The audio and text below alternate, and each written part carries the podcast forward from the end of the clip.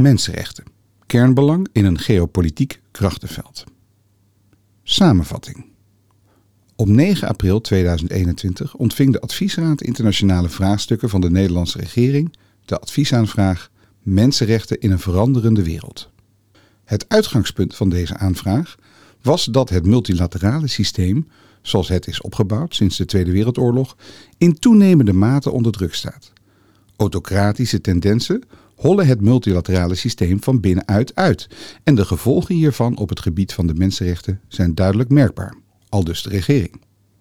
De adviesaanvraag vraagt aandacht voor een aantal zorgelijke ontwikkelingen. De basisprincipes die zijn vervat in de universele verklaring van de rechten van de mens, menselijke waardigheid, universaliteit, gelijkheid, non-discriminatie en ondeelbaarheid, blijken steeds vaker ter discussie te worden gesteld.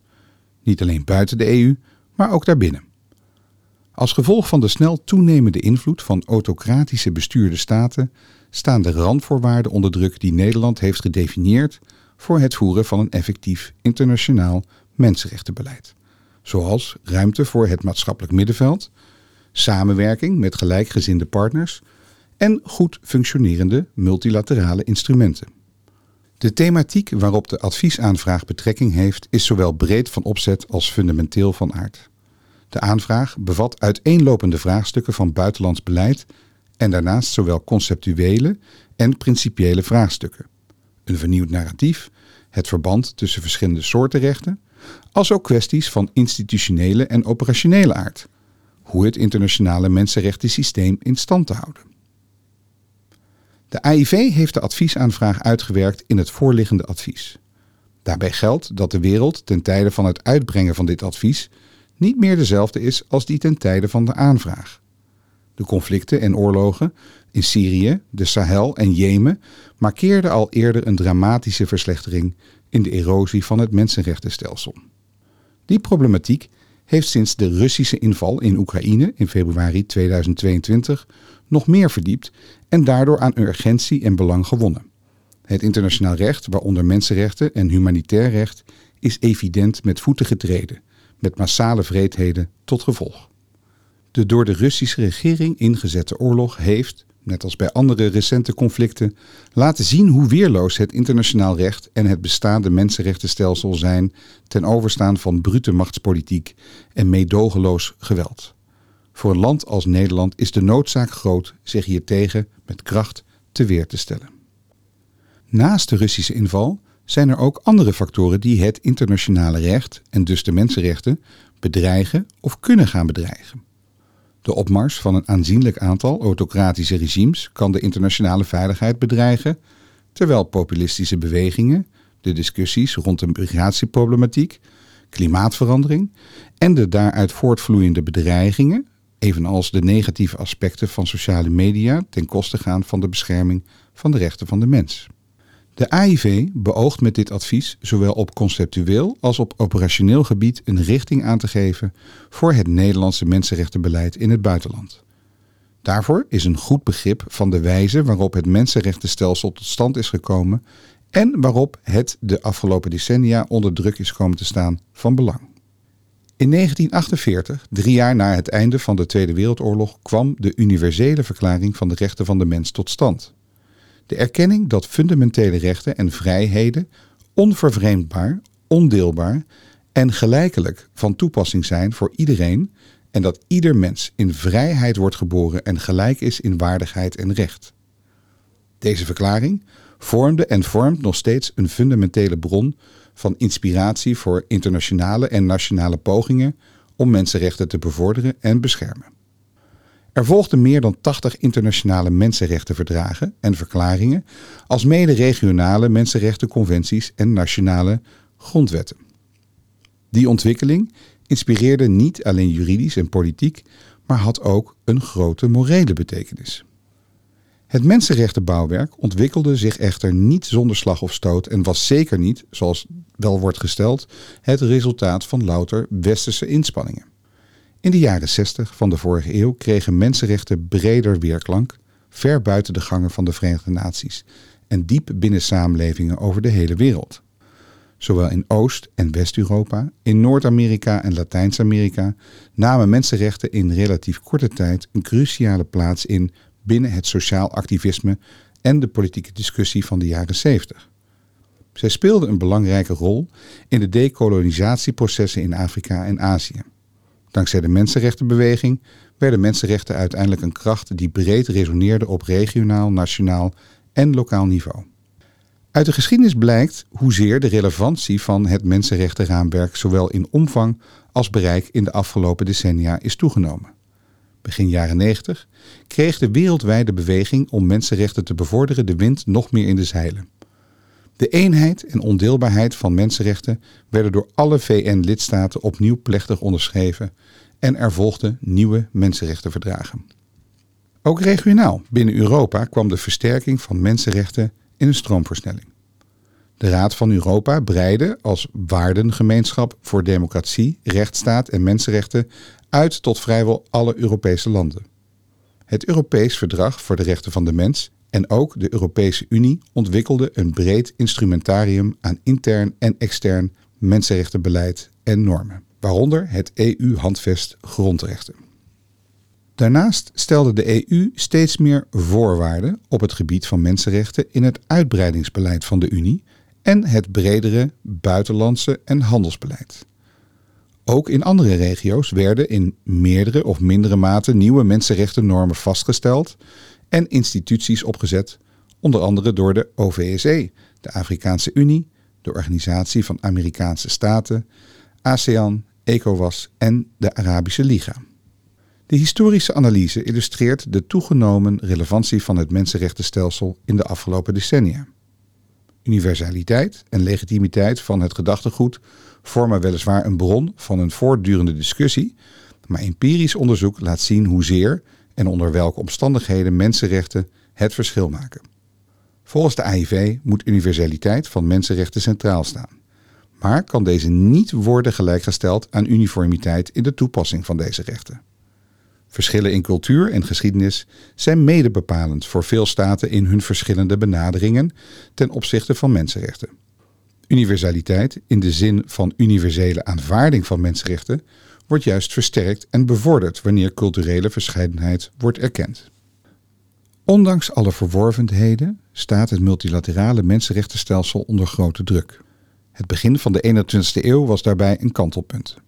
In deze periode kwamen verschillende gebeurtenissen en ontwikkelingen samen die leidden tot een ondermijning en uitholling van het multilaterale systeem en het mensenrechtenstelsel dat in de voorgaande 50 jaar was opgebouwd.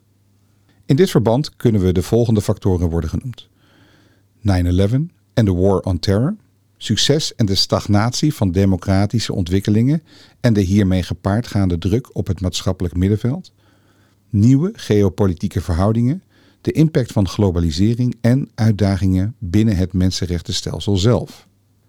Na 11 september 2001 leidde de oorlog tegen het terrorisme in Afghanistan en later Irak tot praktijken die soms op gespannen voet stonden met het internationale recht. Deze gaven aanleiding tot het verwijt dat met name het Westen met twee maten mat. Daarnaast boekten democratiseringsbewegingen, zoals in de Arabische wereld, mede dankzij sociale media, succes. Tegelijk leidden deze bewegingen tevens tot repressieve acties van regimes tegen het maatschappelijk middenveld en mensenrechtenverdedigers. Er was sprake van een snel groeiende economische, militaire en politieke macht en zelfbewustzijn van China. Een afkalvende internationale betrokkenheid van de VS, versterkt onder de latere president Trump, en een repressiever wordende Russische federatie.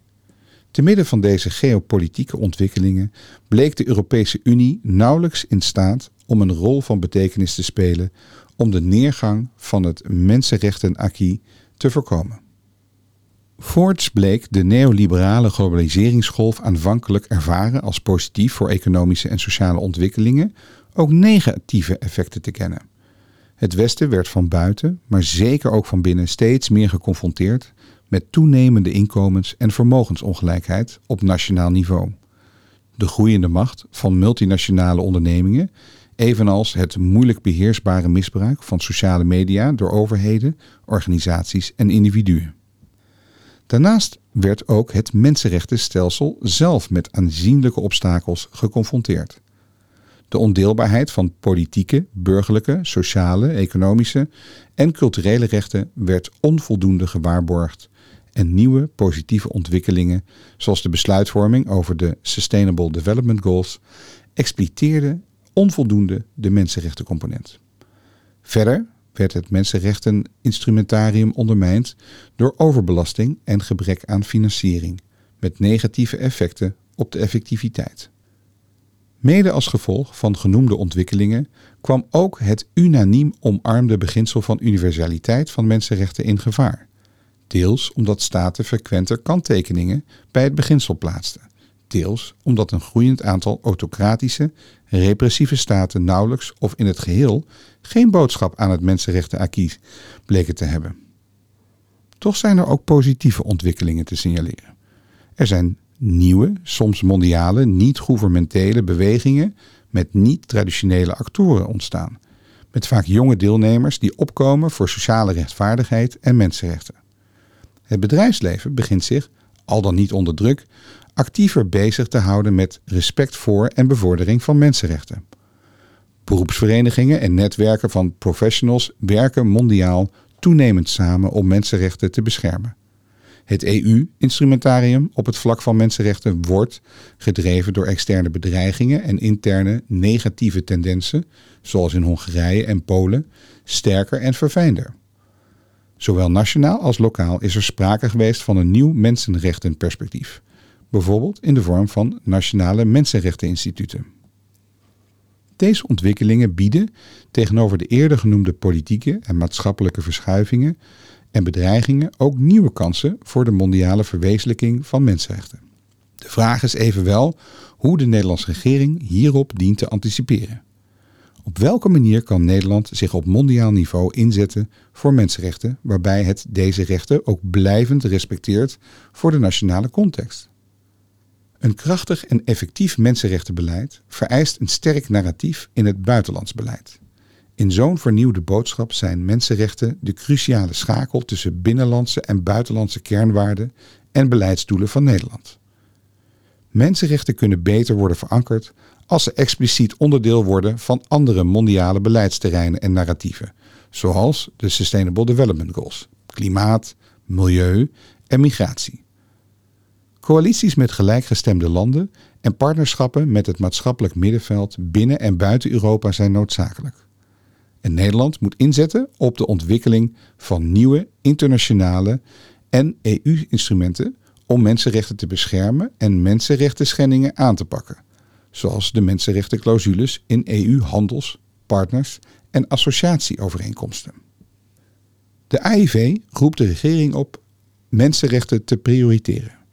Voor wat het buitenlands beleid betreft vraagt dit om een effectieve en expliciete morele stellingname in de ingewikkelde realpolitieke context en de gespannen internationale verhoudingen. Een meer geïntegreerde benadering, nieuwe partnerschappen en het bieden van een effectief tegenwicht vanuit begrip voor de culturele context in andere landen zijn daarbij belangrijke bouwstenen. Mensenrechten zijn niet enkel een belangrijk ideaal, maar ook wel begrepen eigenbelang. Zij zijn de cruciale schakel tussen rechtsstaat en democratie en internationale veiligheid. Idealisme hoeft niet te worden geschuwd en er moet krachtig worden ingezet op het behoud van het internationale acquis op mensenrechtenterrein. Tegelijkertijd moet, om dat doel te verwezenlijken, veel pragmatischer en realistischer worden geopereerd met erkenning van de realiteiten van vandaag, inclusief veranderende geopolitieke verhoudingen. Een dergelijke aanpak heeft zowel een buitenlandse als een binnenlandse dimensie. Nederland dient, naast internationaal, ook de mensenrechten in eigen land te prioriteren. Die aanpak vereist begrip voor andere invalshoeken, maar krachtig reageren als internationaal aanvaarde fundamentele grenzen worden overschreden. Alleen zo kan Nederland in een veranderend politiek krachtenveld de mensenrechten als kernbelang effectiever beschermen en bevorderen. Aanbevelingen. Rechtsstaat, democratie en mensenrechten staan thans onder grote druk. Dit is mede een gevolg van de verschuivingen in de wereldwijde machtsverhoudingen en de opmars van autocratische tendensen en regimes. Deze harde realiteit dwingt onontkoombaar tot een andere aanpak in het buitenlands beleid met inbegrip van het mensenrechtenbeleid. De aanpak en de strategie moeten anders. 1. Verdedig onverkort het behoud van rechtsstaat, democratie en mensenrechten. Net zoals veel andere landen heeft Nederland van oudsher, maar in het bijzonder na de Tweede Wereldoorlog, de bescherming van grondrechten en rechten van de mens grondslag gemaakt van de eigen rechtsorde en van zijn buitenlands beleid. Dit gebeurde tegen de achtergrond van het ontstaan van mondiale en Europese regelgeving op het gebied van mensenrechten. Het Nederlandse binnen- en buitenlands beleid moet onverkort blijven staan achter deze historische verworvenheden en deze Nederlandse traditie hoog houden. De dynamiek die ligt besloten in onze set kernwaarden, rechtsstaat, democratie en mensenrechten, biedt, zoals steeds in de geschiedenis, aanknopingspunten om die veranderende context tegemoet te treden en bovendien te verbinden met een andere set kernwaarden: veiligheid, duurzame ontwikkeling en milieu. Benut eigenschappen en karakteristieken van de veranderende maatschappelijke context als kansen om deze kernwaarden neer te zetten en uit te dragen. 2. Zet in het buitenlands beleid de basisbeginselen van mensenrechten, zoals internationaal geformuleerd, blijvend centraal. Menselijke waardigheid, universaliteit, gelijkheid, non-discriminatie en ondeelbaarheid. Hieronder vallen ook de principes van vrijheid en het tegengaan van straffeloosheid en corruptie. Volgens de regering dienen universaliteit, gelijkheid, non-discriminatie en ondeelbaarheid blijvend te worden gezien als de kern van het mensenrechtenbeleid. De AIV stelt voor deze basisprincipes voor wat betreft concrete beleidsvorming verder uit te breiden met de menselijke waardigheid, vrijheid en het tegengaan van straffeloosheid. Deze basisbeginselen moeten de basis vormen voor een langjarig, coherent, consistent en herkenbaar mensenrechten-narratief voor het Nederlandse binnen- en buitenlands beleid. Ze bieden een minimumbescherming en een krachtige en flexibele basis voor het beleid met mogelijkheden tot nadere toespitsing en prioritering, uitwerking in plaats en tijd. Ook biedt de nadruk op beginselen de mogelijkheid tot het aansluiten bij narratieven die, in een andere context, dezelfde onderliggende waarden weerspiegelen en beschermen. Zie ook aanbeveling 5. Notities als mede-mensenrechten en een nadruk op plichten kunnen daarbij een rol spelen. 3. Maak niet langer onderscheid tussen verschillende categorieën van rechten. De regering moet blijven investeren in een zo breed mogelijk gedeelde visie op mensenrechten. Daarbij is het zaak actief uit te dragen dat alle mensenrechten ondeelbaar en onderling afhankelijk zijn. Onvoldoende verbinding, burger- en politieke rechten enerzijds en economische, sociale en culturele rechten anderzijds, doet onvoldoende recht aan de belangen die door de economische, sociale en culturele rechten worden beschermd, zoals onderwijs, gezondheid en sociale zekerheid. Daarnaast hangen rechten onlosmakelijk samen, zoals het recht op onderwijs en het kiesrecht. Het onderscheid is achterhaald door de rechtsontwikkeling. Wel geldt dat niet alle rechten overal even snel of op dezelfde manier geïmplementeerd worden. Sluit aan bij datgene wat in een gegeven context van bijvoorbeeld het middenveld of andere actoren steun krijgt en wees daarin flexibel. Voor de regering moet de inzet zijn om mensenrechten op alle mogelijke manieren een brede ingang te laten vinden. Daarbij dient de regering te onderkennen dat juist sociaal-economische rechten, naast de klassieke rechten, vaak worden ingezet in de dialoog met semi-autocratische landen. 4. Verdedig en bescherm proactief de internationale en nationale mensenrechteninfrastructuur. Benut daarbij het bestaan van de daarin besloten formele en informele checks en balances om mensenrechten op lange termijn effectiever te maken. In het beleid moet niet alleen de afwezigheid van mensenrechten schendingen centraal staan, maar ook de voldoende aanwezigheid van een constitutionele, politieke en maatschappelijke infrastructuur om schendingen te voorkomen en te herstellen. Waar het multilaterale mensenrechteninstituties betreft, betekent dit concreet waak voor procedurele ondermijning van onafhankelijkheid en effectiviteit van het stelsel door andere staten. Bewaak de toegang voor het maatschappelijk middenveld en waarborg voldoende en structurele financiële middelen voor het functioneren van die infrastructuur, zowel bij de Verenigde Naties als de Raad van Europa. Waar het nationale instituties betreft, betekent dit Bevorder en ondersteun instituties die in elk land waken over de bescherming van mensenrechten. Hierbij gaat het zowel om staatsinstituties, onafhankelijke rechtelijke macht, effectieve nationale mensenrechteninstituten, als maatschappelijke waakhonden, van vrije media tot mensenrechtenverdedigers en organisaties. Een sterk maatschappelijk middenveld. 5. Maak mensenrechten een expliciet onderdeel van andere mondiale beleidsterreinen en narratieven, zoals de Sustainable Development Goals, klimaat, milieu, migratie en sociale media. Operationaliseer het mensenrechtenbeleid via een kabinetsbrede en domeinoverstijgende aanpak en via mensenrechteneducatie. De effectiviteit en herkenbaarheid van deze genoemde en andere beleidsterreinen en doelstellingen kunnen worden versterkt door mensenrechten daarin te verweven. Omgekeerd kunnen zij bijdragen aan de versterking van de mensenrechten. Hierbij is wel waakzaamheid geboden. Deze andere narratieven zijn dikwijls gebaseerd op meer algemene politieke intenties en doelen, niet, zoals mensenrechten, ook op juridische verplichtingen. Mensenrechten mogen hierdoor niet worden verdrongen of ingeperkt. Niet door dit perspectief, noch door dergelijke soft law instrumenten. Nederland dient zich hiervan terdege rekenschap te geven en waar nodig kritische kanttekeningen te plaatsen. Nederland dient de institutionele verworvenheden, bijvoorbeeld op het gebied van handhaving en monitoren, stevig te verdedigen.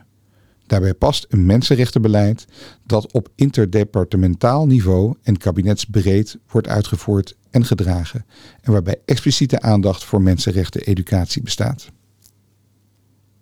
6. Bouw actief aan nieuwe en wisselende coalities met gelijkgestemde landen en aan partnerschappen met het maatschappelijk middenveld binnen en buiten Europa op basis van gedeelde waarden en belangen.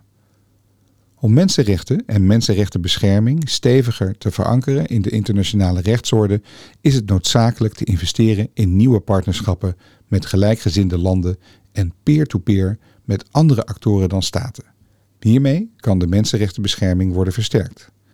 Het toneel van de internationale gemeenschap is veel pluriformer dan voorheen. Die pluriformiteit kan worden benut ten behoeve van ons mensenrechtenbeleid.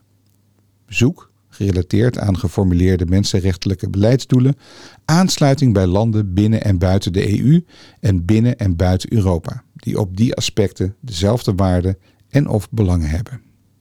De regering dient gebruik te maken van de nieuwe kansen die veel van de huidige samenlevingen bieden om mensenrechten en mensenrechtenbescherming van onderaf te ondersteunen en bevorderen.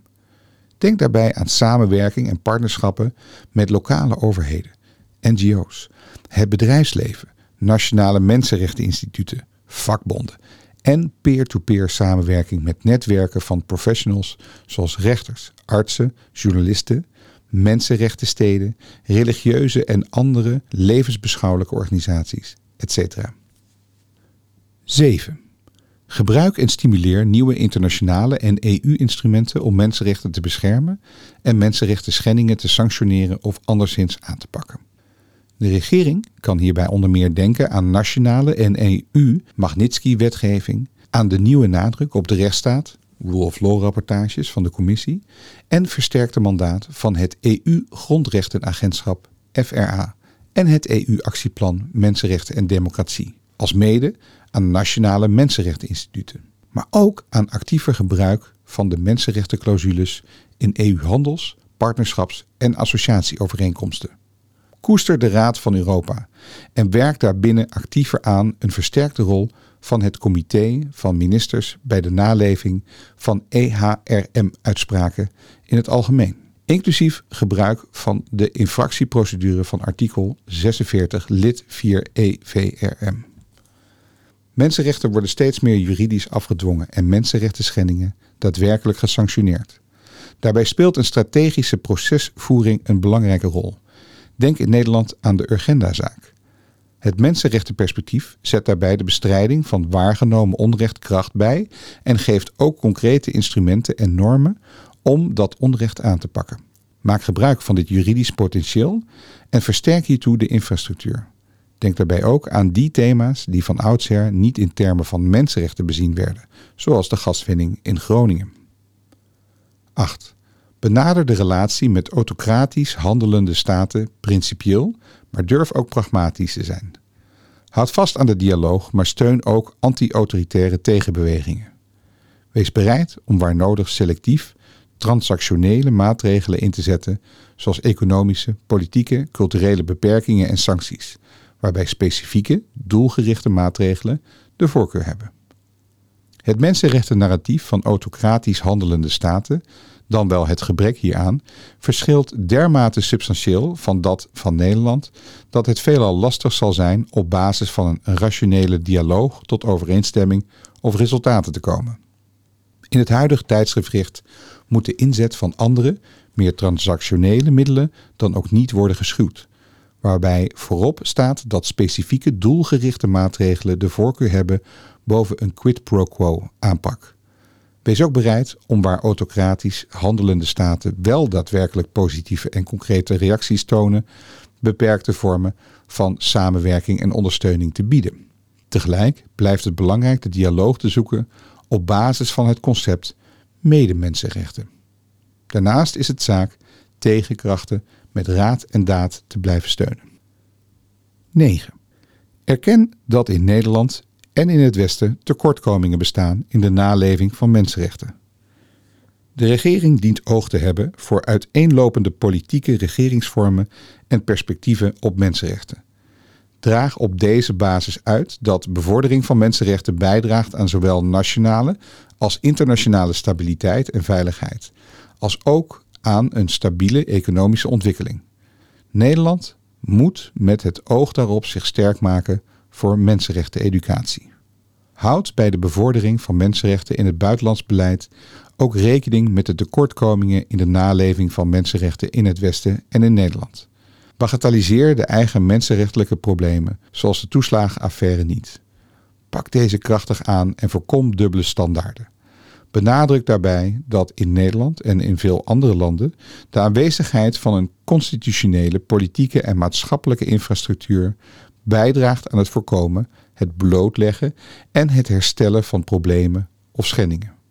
Benadruk ook het belang van mensenrechten voor nationale en internationale stabiliteit en veiligheid, als ook voor een stabiele economische ontwikkeling. De internationale milieu- en sociale agenda hoeft immers niet te botsen met sociale belangen. 10. Versterk de capaciteit en kennis in zaken mensenrechten binnen de overheid, waaronder het departement zelf en het postennetwerk. De regering dient in het bijzonder te investeren in kennis van de wijze waarop mensenrechten zich lokaal hebben ontwikkeld en in de rol van de staat en andere actoren bij het tot stand komen van het bestaande internationale mensenrechtenstelsel. De in dit advies geschetste uitdagingen en oplossingsrichtingen vragen een veel sterkere kennisbasis op het gebied van mensenrechten om het discours en beleid vanuit andere staten dat mensenrechten erodeert of relativeert effectief te kunnen pareren.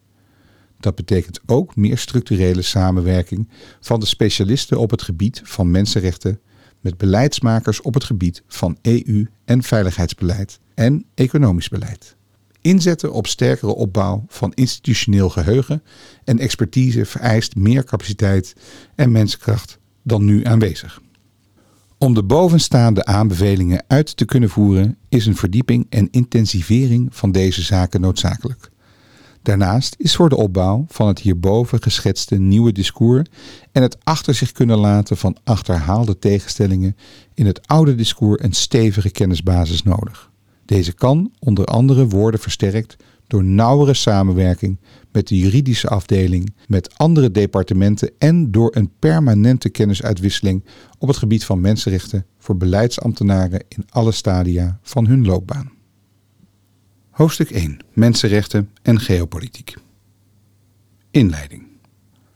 Op 9 april 2021 ontving de AIV van de Nederlandse regering de adviesaanvraag Mensenrechten een veranderende wereld. Randvoorwaarden voor een effectief beleid en een nieuw narratief. Het uitgangspunt van de regeringsaanvraag was dat het multilaterale systeem, zoals het is opgebouwd sinds de Tweede Wereldoorlog, in toenemende mate onder druk staat. autocratische staten hollen het multilaterale systeem van binnenuit uit en de gevolgen op het gebied van de mensenrechten zijn hiervan duidelijk merkbaar, aldus de regering. De adviesaanvraag vroeg aandacht voor een aantal zorgelijke ontwikkelingen. De basisprincipes die zijn vervat in de universele verklaring van de rechten van de mens, menselijke waardigheid, universaliteit, gelijkheid, non-discriminatie en ondeelbaarheid blijken steeds vaker ter discussie te worden gesteld. Niet alleen buiten de EU, maar ook binnen de Unie. Als gevolg van de snel toenemende invloed van autocratisch bestuurde staten staan bovendien de randvoorwaarden onder druk die Nederland heeft gedefinieerd voor het voeren van een effectief internationaal mensenrechtenbeleid zoals ruimte voor het maatschappelijk middenveld, samenwerking met gelijkgezinde partners en goed functionerende multilaterale instrumenten. Tegen deze achtergrond legt de regering de AIV de vraag voor hoe de relevantie van het internationale mensenrechtensysteem kan worden behouden en hoe tegenwicht kan worden geboden aan de toenemende negatieve invloed van autocratische landen op het mensenrechtensysteem. Ook vraagt de regering of er een vernieuwd mensenrechten-narratief kan worden ontwikkeld dat weerwoord biedt aan autocratische tendensen om de basisprincipes van mensenrechten in twijfel te trekken en zich vooral te richten op sociaal-economische rechten. En of een dergelijk narratief ook kan worden ingezet om het draagvlak voor mensenrechten onder burgers in binnen- en buitenland te vergroten.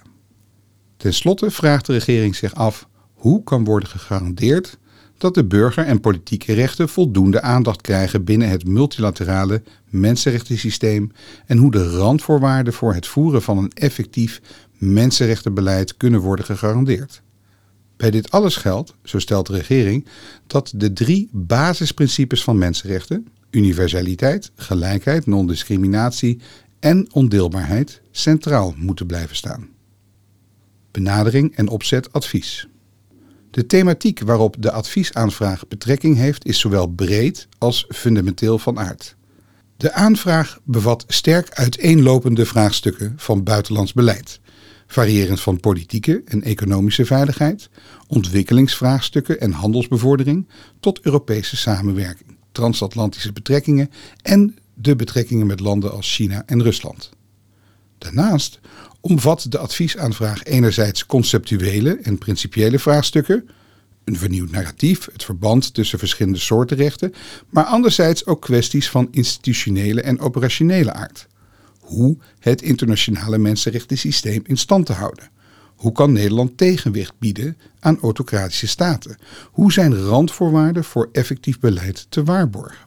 Daarbij berust de aanvraag op een aantal aannames een scheiding tussen sociaal-economische rechten en burger- en politieke rechten en de rol van autocratische staten, die een nuance verdienen. De problematiek die in de aanvraag aan de orde wordt gesteld, heeft sinds de Russische inval in Oekraïne in februari 2022 aan urgentie gewonnen. De wereld ten tijde van de aanvraag is niet meer dezelfde wereld als ten tijde van het uitbrengen van dit advies. Het internationaal recht waaronder mensenrechten en humanitair recht, is evident met voeten getreden, met massale vreedheden tot gevolg.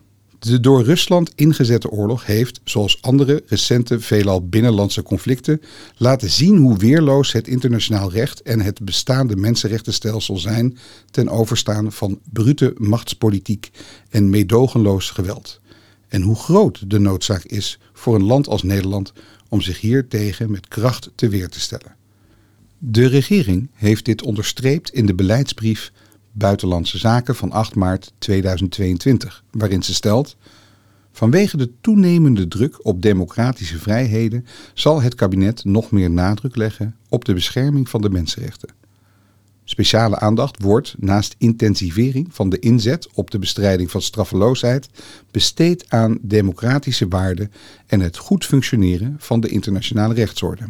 Vanwege de bovengenoemde redenen heeft de AIV zich ten doel gesteld een advies op te stellen dat zowel op conceptueel als operationeel gebied richtingen aangeeft voor het Nederlandse mensenrechtenbeleid in het buitenland. De AIV meent dat een analyse en duiding van ontwikkelingen die tot de huidige situatie hebben geleid hiervoor onontbeerlijk zijn. Een goed begrip van de wijze waarop het mensenrechtenstelsel tot stand is gekomen en waarop het de afgelopen decennia onder druk is komen te staan, is cruciaal voor een adequaat en realistisch zicht op het handelingsperspectief dat Nederland heeft in het huidige tijdsgevricht. Uit gesprekken die de AIV heeft gevoerd kwam deze behoefte aan duiding en aan handvatten om het huidige complexe krachtenveld het hoofd te kunnen bieden ook duidelijk naar voren. Opzet en leeswijze. Het advies is opgebouwd uit drie delen. Allereerst zal de AIV ingaan op de wijze waarop het multilaterale mensenrechtenstelsel zich sinds de Tweede Wereldoorlog heeft ontwikkeld. Hoofdstuk 2. Hierbij zal aandacht zijn voor het narratief en de principes die hieraan ten grondslag lagen. Tevens toont het advies aan hoezeer het stelsel met de tijd in omvang en bereik is toegenomen en onder welke voorwaarden mensenrechten daadwerkelijk het verschil maakten. In het tweede deel van het advies, hoofdstuk 3, wordt de toenemende druk waaraan het internationale mensenrechtensysteem sinds het begin van de 21ste eeuw blootstaat geanalyseerd in het licht van de veranderende geopolitieke verhoudingen. In dit deel worden ook mondiale ontwikkelingen besproken die juist nieuwe kansen voor mensenrechten bieden. In het derde deel, hoofdstuk 4, zal op basis van de eerdere twee delen worden ingegaan op het handelingsperspectief dat Nederland heeft en zullen richtingen worden aangereikt voor de koers van het Nederlandse mensenrechtenbeleid, zowel op conceptueel als operationeel vlak. Aan dit deel zullen de aanbevelingen en de antwoorden op de adviesvragen worden ontleend. Hoofdstuk 2. Het multilaterale mensenrechtenstelsel sinds de Tweede Wereldoorlog. Oorsprong, opbouw en narratief. Het multilaterale mensenrechtenstelsel, zoals we het vandaag de dag kennen, vindt zijn oorsprong in ontwikkelingen die tijdens en vlak na de Tweede Wereldoorlog in gang werden gezet. Het huidige, breed vertakte stelsel van mondiale en regionale mensenrechtenorganisaties, verdragen en toezichthoudende organen is echter allerminst het resultaat van een lineair verlopen proces. Het was niet per se een resultaat van ideologisch bevlogen westerse staten die het internationale mensenrechtenbouwwerk van de regelgeving steeds verder wilden uitbreiden en vormgeven, om zo hun normen en waarden te exporteren naar andere werelddelen. Integendeel, het stelsel zoals dat in de afgelopen acht decennia is ontwikkeld, is vanaf het begin mede de inzet geweest en gebleven van machtspolitiek, waarbij zowel de belangen van grote mogendheden als die van postkoloniale ontwikkelingslanden een rol speelden. De machtsconflicten en belangentegenstellingen die hiervan het gevolg waren, resulteerden vaak in trage vooruitgang en moeizaam bewochten compromissen, waarbij maatschappelijke bewegingen en organisaties en de publieke opinie niet zelden een bepalende, vooruitstrevende rol speelden. Zo werd uiteindelijk tijdens de oprichtingsconferentie van de Verenigde Naties in San Francisco 1945 de mensenrechtenpassages in het VN-handvest aanzienlijk uitgebreid, mede dankzij een intense lobby van met name Amerikaanse maatschappelijke organisaties. Deze passages bleven echter zwak in vergelijking met de beginselen van staatssoevereiniteit en non-interventie, die de twee belangrijkste pijlers vormden van het VN-handvest. Bovendien werd nauwelijks voorzien in monitoring of handhavingsmechanismen om staten verantwoordelijk te houden voor het naleven van de mensenrechtenparagrafen. Drie jaar na het einde van de Tweede Wereldoorlog belichaamde de Universele Verklaring van de Rechten van de Mens, UVRM, van 1948 de erkenning dat fundamentele rechten en vrijheden onvervreemdbaar, ondeelbaar en gelijkelijk van toepassing zijn voor iedereen en dat ieder mens in vrijheid wordt geboren en gelijk is in waardigheid en recht. De UVRM vormde en vormt nog steeds een fundamentele bron van inspiratie voor internationale en nationale pogingen die sinds eind jaren 40 werden ondernomen om mensenrechten te bevorderen en te beschermen. In 1948 werd naast de UVRM tevens het verdrag in zaken de voorkoming en de bestraffing van genocide door de AVVN aanvaard, evenals de Geneefse Conventie. Meer dan 80 internationale mensenrechtenverdragen en verklaringen werden geïnspireerd door de Universele Verklaring, alsmede een aanzienlijk aantal regionale mensenrechtenconventies en nationale grondwetten. Wellicht nog belangrijker dan deze uitwerking is de inspiratie die uitgaat van mensenrechten, waarmee zij niet alleen een juridische en politieke, maar voor veel mensen ook een morele en spirituele betekenis hebben. Het is evenwel een misvatting te veronderstellen dat de totstandkoming van het internationale mensenrechtenbouwwerk uitsluitend het resultaat was van de gestage inspanningen van westerse mondiale grootmachten. Zo werd het eerste mondiale mensenrechtenverdrag, het verdrag ter uitbanning van rassendiscriminatie, in 1965 aanvaard als gevolg van de inspanningen van veel recent onafhankelijk geworden ontwikkelingslanden. De erkenning van gelijke rechten speelde ook een grote rol in het onafhankelijkheidsstreven van veel van deze landen. Een jaar later, in 1966, kwamen na decennia van moeizame onderhandelingen de twee algemene, juridisch bindende instrumenten tot stand die de pijlers zouden vormen voor een steeds uitgebreider stelsel van mensenrechtenverdragen en verklaringen. Het Internationaal Verdrag in zaken burgerrechten en politieke rechten, IVBPR, en het Internationaal Verdrag in zaken economische, sociale en culturele rechten, IVESCR. In 1967 werd aan het Vluchtelingenverdrag van 1951 een protocol toegevoegd dat de bescherming uitbreidde tot over de hele wereld. De ontwikkeling van internationale monitoring en handhavingsmechanismen kwam niet voor het einde van de jaren 60 op gang. Daarbij speelden maatschappelijke organisaties een centrale rol in het bepleiten en bevechten van iedere genomen stap. In dezelfde periode begonnen mensenrechten breder weerklank te vinden, ver buiten de gangen van de Verenigde Naties en diep binnen samenlevingen over de hele wereld. Zowel in Oost- en West-Europa als in de VS en Latijns-Amerika namen mensenrechten in relatief korte tijd een cruciale plaats in binnen het sociaal activisme en de politieke discussie van de jaren 70. Dankzij de mensenrechtenbeweging werden mensenrechten uiteindelijk een force of its own die breed resoneerde op regionaal, nationaal en lokaal niveau. Slachtoffers van mensenrechten schendingen vonden meer en meer hun weg naar internationale toezichthouders zoals het Europees Hof voor de Rechten van de Mens en zijn Inter-Amerikaanse en Afrikaanse evenknieën. De uitspraken van die hoven hadden op hun beurt weer een positieve invloed op het bewustzijn over mensenrechten in de staten waarover ze recht spraken. Na het einde van de Koude Oorlog, begin jaren 90, kreeg de wereldwijde beweging om mensenrechten te bevorderen de wind nog meer in de zeilen. De eenheid en ondeelbaarheid van mensenrechten werd door alle VN-lidstaten opnieuw plechtig onderschreven op de grote wereldconferentie in Wenen van 1993. En bij die gelegenheid riepen zij het ambt van VN-hoge commissaris voor de mensenrechten in het leven. Nieuwe mensenrechtenverdragen werden in de decennia erna onderhandeld, zoals het VN-verdrag in zaken rechten van personen met een beperking, opnieuw vaak na aanhoudende druk van maatschappelijke, belanghebbende organisaties. Ook regionaal, binnen Europa, kwam de versterking van mensenrechten in een stroomversnelling. De Raad van Europa breidde als waardegemeenschap voor democratie, rechtsstaat en mensenrechten uit tot vrijwel alle Europese landen.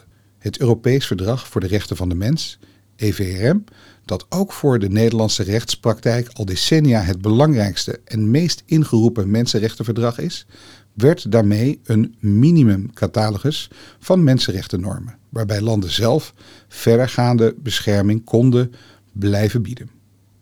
Tienduizenden mensenrechten slachtoffers per jaar vonden en vinden hun weg naar het Europees Hof voor de Rechten van de Mens, EHRM, dat vanaf 1998 een permanente, voltijds functionerende instantie werd. Door een relatief sterk toezichtmechanisme, met voor staten bindende uitspraken en handhaving via het Comité van Ministers van de Raad van Europa, wordt het gezien als het meest effectieve mensenrechtenstelsel ter wereld.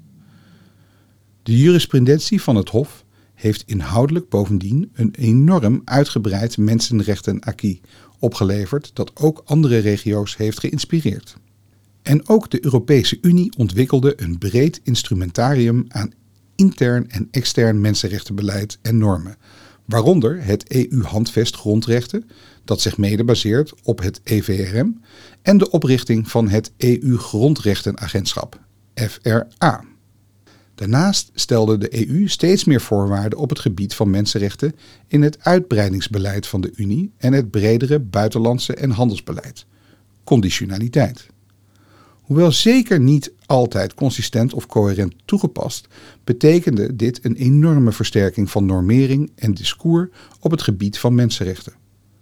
Parallel traden nieuwe lidstaten toe tot de Raad van Europa en werd het Europees Hof voor de Mensenrechten een permanent voltijdshof, waarnaar slachtoffers van schendingen in enorme aantallen hun weg vonden.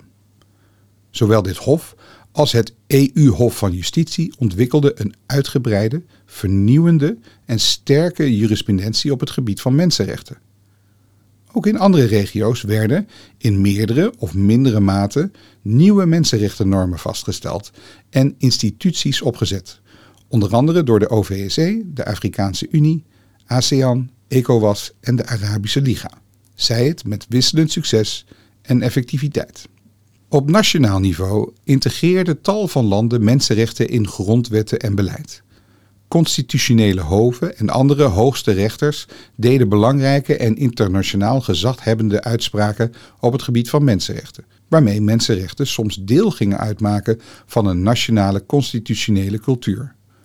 Een aantal landen begon rond algemene of thema-specifieke mensenrechten actieplannen te ontwikkelen en maakte mensenrechten onderdeel van primair, secundair en universitair onderwijs. Ook werden mensenrechten steeds vaker onderdeel van de opleiding van professionals, van politieagenten tot rechters. En misschien wel het meest opvallend, er vond sinds de aanvaarding van de Paris Principles begin jaren 90 in de afgelopen drie decennia een enorme groei plaats van het aantal nationale mensenrechteninstituten, waaronder in Nederland het College voor de Rechten van de Mens.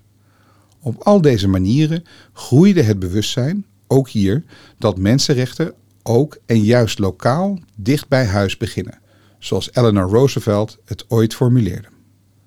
Op mondiaal vlak werd het verbod op ernstige mensenrechten schendingen in toenemende mate gecodificeerd in het internationale strafrecht.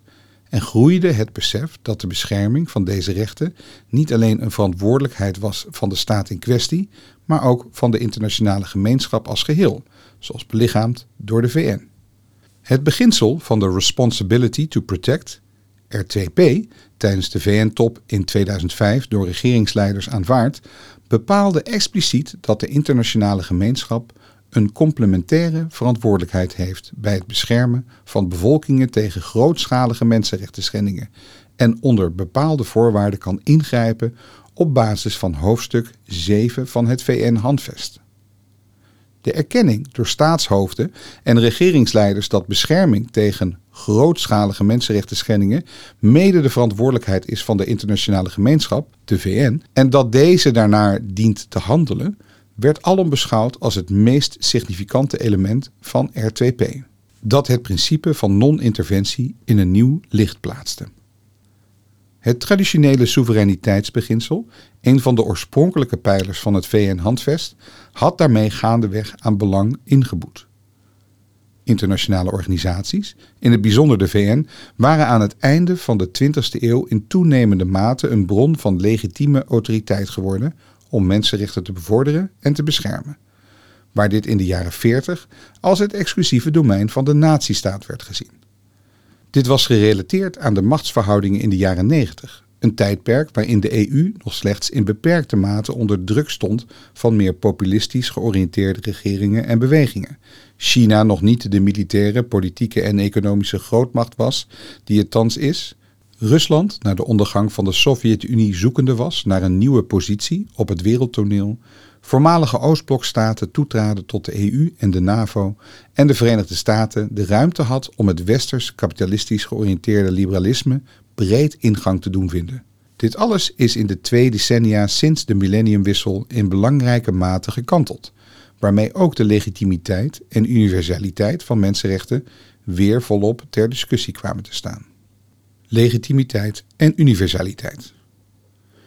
Universaliteit en legitimiteit van de mensenrechten zijn in de loop van de tijd niet altijd als vanzelfsprekend beschouwd en hebben vaak de nodige discussie opgeleverd. In 2008 bracht de AIV een advies uit over universaliteit van mensenrechten. Vragen die op dat moment aan de orde waren, hadden vooral betrekking op de wijze waarop culturele en religieuze overwegingen bij de bescherming en bevordering van mensenrechten een rol speelden. Een belangrijk uitgangspunt van het toenmalige advies was dat universaliteit van het belang en de gelding van mensenrechten niet kan worden gelijkgesteld aan uniformiteit in de toepassing van deze rechten.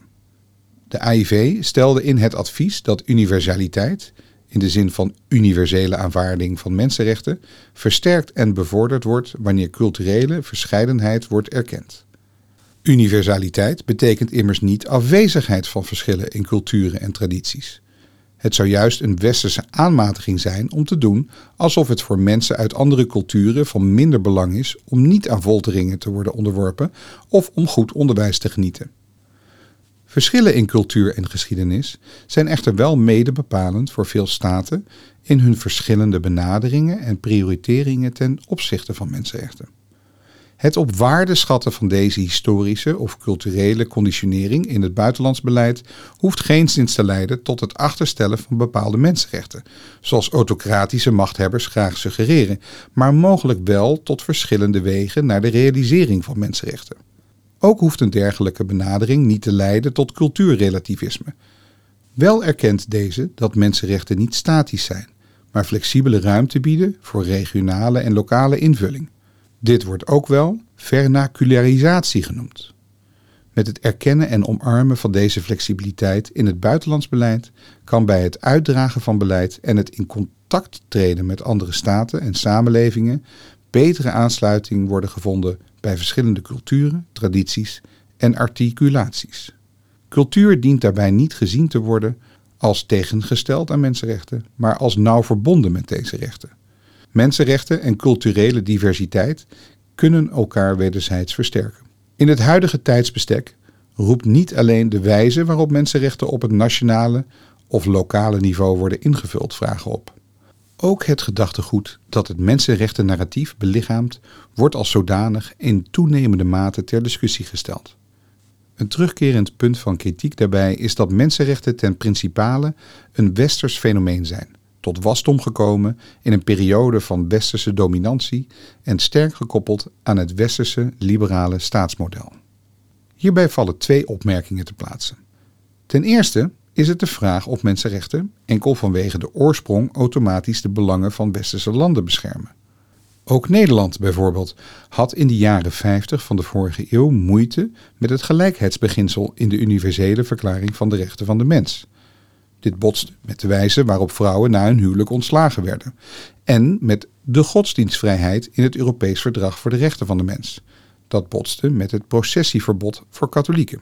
Daarnaast gaat deze kritiek voorbij aan de aard en inhoud van de universele verklaring en de bijdrage die van meet af aan ook vanuit de niet-westerse wereld aan het mensenrechtenstelsel zijn geleverd. En doet bovendien geen recht aan de grote weerklank die mensenrechten wereldwijd hebben gevonden.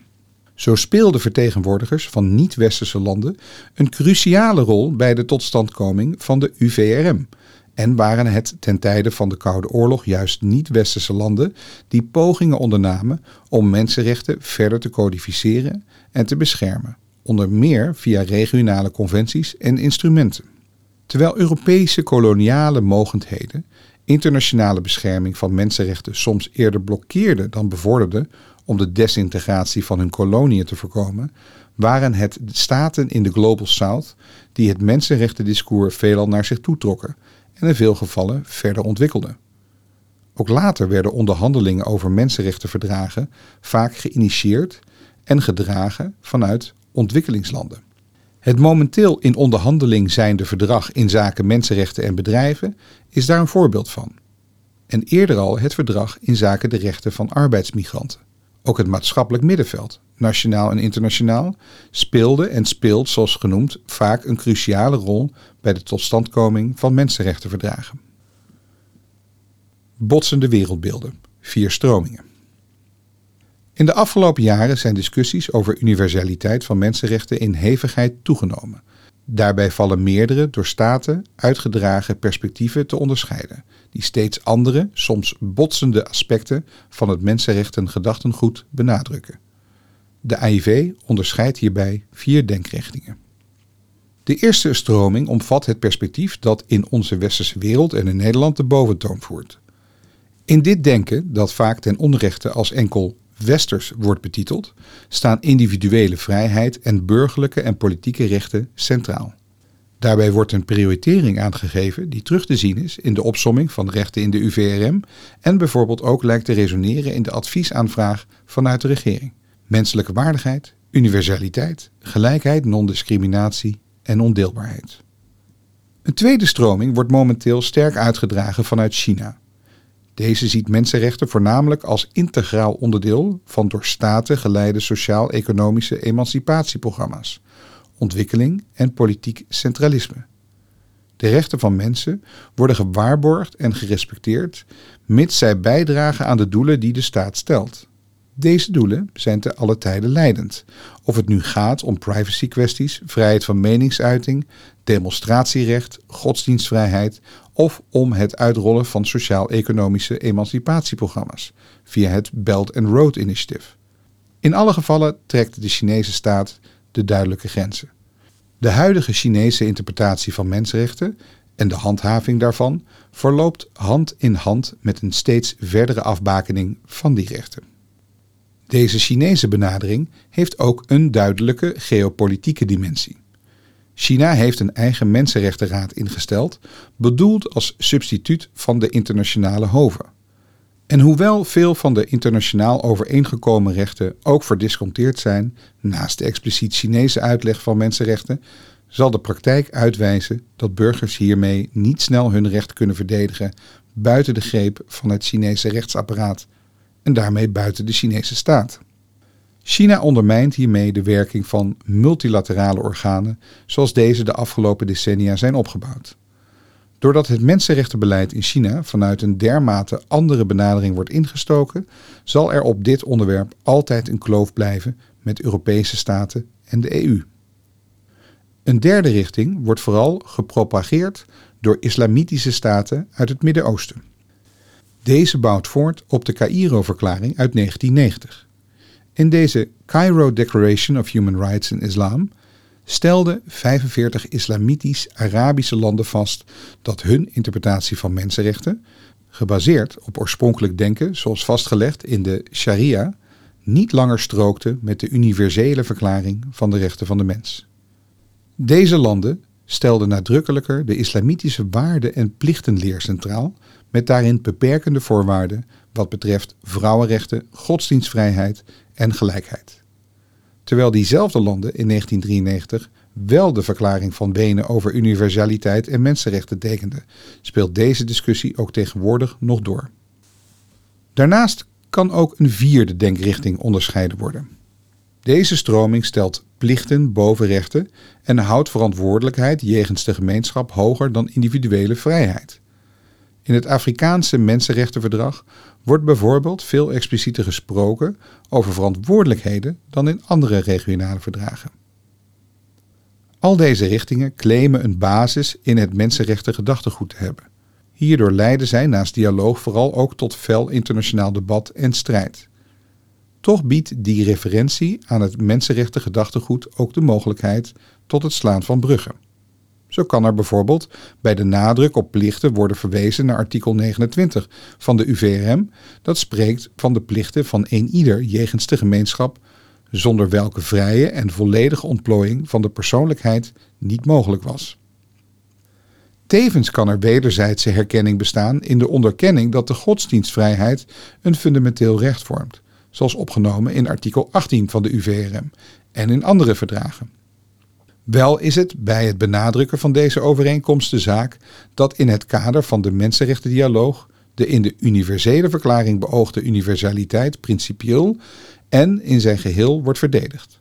Het huidige institutionele mensenrechtenraamwerk biedt ruime mogelijkheden voor een dergelijke dialoog, via de Universal Periodic Reviews en andere vormen van monitoring. Uiteraard is het daarbij van belang dat Nederland zelf ook open staat voor kritiek Waar het gaat om de toeslagenaffaire, discussies over Zwarte Piet, de vrouwenrechten binnen de staatkundig gereformeerde partij, de vluchtelingenaanpak, ondermijnende drugscriminaliteit, de worsteling met privacywetgeving, De zorgelijke informatiehuishouding van de overheid en discriminatie kreeg ons land binnen de VN in de afgelopen jaren de nodige kritiek. Het is zaak deze ter harte te nemen. In deze tijd van geopolitieke spanning en internationale cultuurstrijd is het essentieel dat de brug om elkaar te ontmoeten en te praten, zoals Eleanor Roosevelt de VN ooit noemde, blijft bestaan. Een taal waarin landen elkaar vinden is die van mensenrechten. Zorgelijk is dan ook de wijze waarop sommige staten of regeringsleiders vandaag de dag unilateraal afstand nemen van eerder overeengekomen VN-verklaringen, zich distancieren van internationaal rechtelijke afspraken en verdragen op het terrein van de rechten van de mens waaraan zij zich eerder verbonden. Zo dreigde Rusland al met vertrek uit de Raad van Europa en daarmee uit het EVRM voordat het comité van ministers het land in maart 2022 uit de organisatie zette.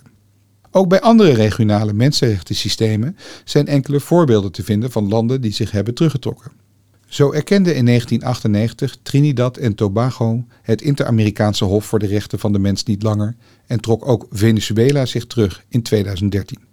In Afrika hebben sinds 2016 vier van de tien landen de verklaring ingetrokken waarin zij het individuele klachtrecht bij het Afrikaanse Hof voor de Rechten van de Mensen en Volkeren erkennen. Het gaat hierbij om Benin, Ivoorkust, Tanzania en Rwanda. Het hiervoor gebruikte argument dat de fundamentele rechten en vrijheden die zijn vervat in de UVRM en uitgewerkt in het multilaterale mensenrechtenstelsel, universaliteit ontberen. Zij zouden ten diepste gebaseerd zijn op exclusief westers gedachtegoed dat andere werelddelen gaandeweg is opgelegd. Dit houdt in het licht van gegeven historische analyse evenwel geen stand relevantie en effectiviteit. De relevantie van het mensenrechtenstelsel voor nationale en internationale vraagstukken is sinds de Tweede Wereldoorlog almaar toegenomen. Steeds meer sociale, economische en politieke thema's werden bestempeld als mensenrechtenvraagstuk. Met deze expansie van het mensenrechten-gedachtegoed zijn wetenschappers zich steeds meer gaan buigen over de effectiviteit ervan. Daarbij is de vraag of mensenrechten verschil maken, in de woorden van Schaefer en Ginsburg, inmiddels oudbakken. Op basis van wereldwijd kwantitatief en kwalitatief onderzoek liet Simmons bijvoorbeeld zien dat verdragsratificatie tot sterkere mensenrechtenbescherming leidt. Verdragen geven individuen, groepen of delen van de staat met andere voorkeuren meer macht dan zij anders hadden gehad. Waar het ook in het formuleren van beleidsaanbevelingen om gaat, is te begrijpen onder welke voorwaarden en op welke wijze mensenrechten daadwerkelijk verschil maken. Daarbij valt te wijzen op de relevante bredere mechanismen, betrokken actoren en specifieke paden. De mechanismen waar het om gaat, de verschuiving in waarden, normen of belangen, kunnen een juridische en symbolische betekenis hebben, evenals een machtskennis of samenwerkingsbasis. Op het moment dat een verdrag wordt omgezet in nationale wetgeving of regelmatig wordt aangehaald in beleidsdiscussies of leidt tot nieuwe coalities, zal dat verdrag ook meer effect sorteren. Een steeds grotere rol is daarbij weggelegd voor verdragsmonitoring. Processen waarbij landen, bijvoorbeeld binnen de VN-context, elkaar aanspreken op de naleving van deze verdragen, zoals bijvoorbeeld het Kinderrechtenverdrag hoewel de VN vanwege toegenomen werkdruk steeds meer moeite heeft om deze monitoring te verwezenlijken. Ook strategische procesvoering en het werken met indicatoren vormen effectieve manieren om van ratificatie tot daadwerkelijke impact te komen. Ook de door de Mensenrechtenraad ingevoerde Universal Periodic Review, waarbij het mensenrechtenbeleid van elke VN-lidstaat periodiek wordt beoordeeld, vormt een middel om landen zoveel mogelijk op het spoor van naleving van mensenrechten te houden of te brengen.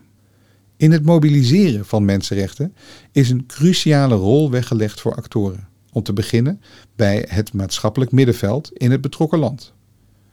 Sikkink beschreef hoe een samenspel tussen lokale en internationale actoren staten kan dwingen tot naleving, zeker wanneer dit aansluit bij lokale zorgen, de mensenrechtenspiraal. Daarbij kunnen financieringstromen naar maatschappelijke organisaties een grote rol spelen in welke thema's al dan niet op de agenda komen. maar ook andere actoren, zoals individuele mensenrechtenverdedigers, bedrijven, kerken, de media, lokale overheden en in een andere rol de rechterlijke macht en advocaten spelen een belangrijke rol in mensenrechtenimplementatie, waarbij juist coalities van actoren extra effectief zijn. Zicht op de paden naar verwezenlijking van mensenrechten hoe maakt een in New York gesloten verdrag het verschil in een mensenleven? Vraagt om inzicht in de specifieke culturele lokale context. Hoe meer mensenrechten aansluiten bij de taal, cultuur en gebruiken in die context, oftewel vernacularisatie, hoe groter de kans op impact. Daarbij is een belangrijke rol weggelegd voor vertalers, mensen die en de lokale context en de wereld en de taal van de mensenrechten kennen. Wel roept de voortdurende expansie van het mensenrechten gedachtegoed vragen op. Zo benadrukten de Verenigde Naties gedurende de afgelopen jaren via aparte verdragen dat de algemene rechten uit de UVRM ook gelden voor vrouwen, kinderen, migranten en, meest recentelijk, mensen met een beperking. Lopende discussies over speciale verdragen voor ouderen of boeren roepen terecht de vraag op of deze themaverdragen iets toevoegen aan de rechtsbescherming van de betrokken groepen. Daarbij is geen eenduidig antwoord te geven.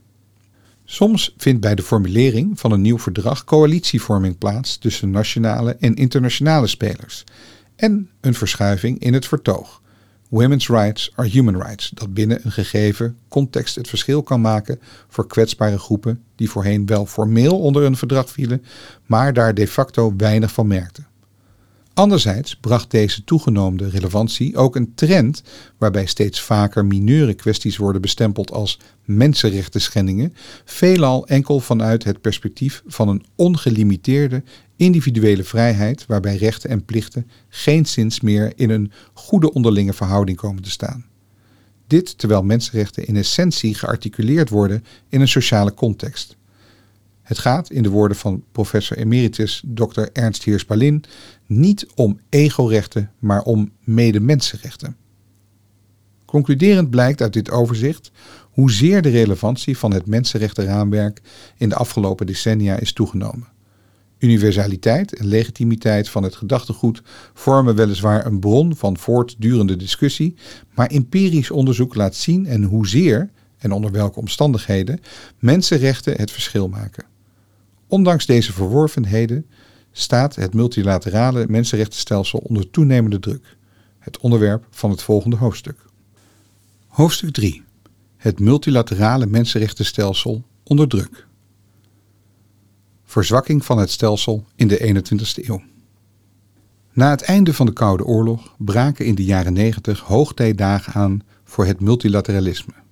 De tijdgeest, en daarmee tevens een kritische reflectie op het westerse denken, werd in deze periode beschreven in het essay The End of History uit 1989, waarin Francis Fukuyama schreef: We zijn niet zomaar getuigen van het einde van de Koude Oorlog of een bijzondere periode in de naoorlogsgeschiedenis, maar van het einde van de geschiedenis als zodanig. Dat wil zeggen het eindpunt van de ideologische evolutie van de mensheid en universaliteit van de westerse liberale democratie als definitieve bestuursvorm.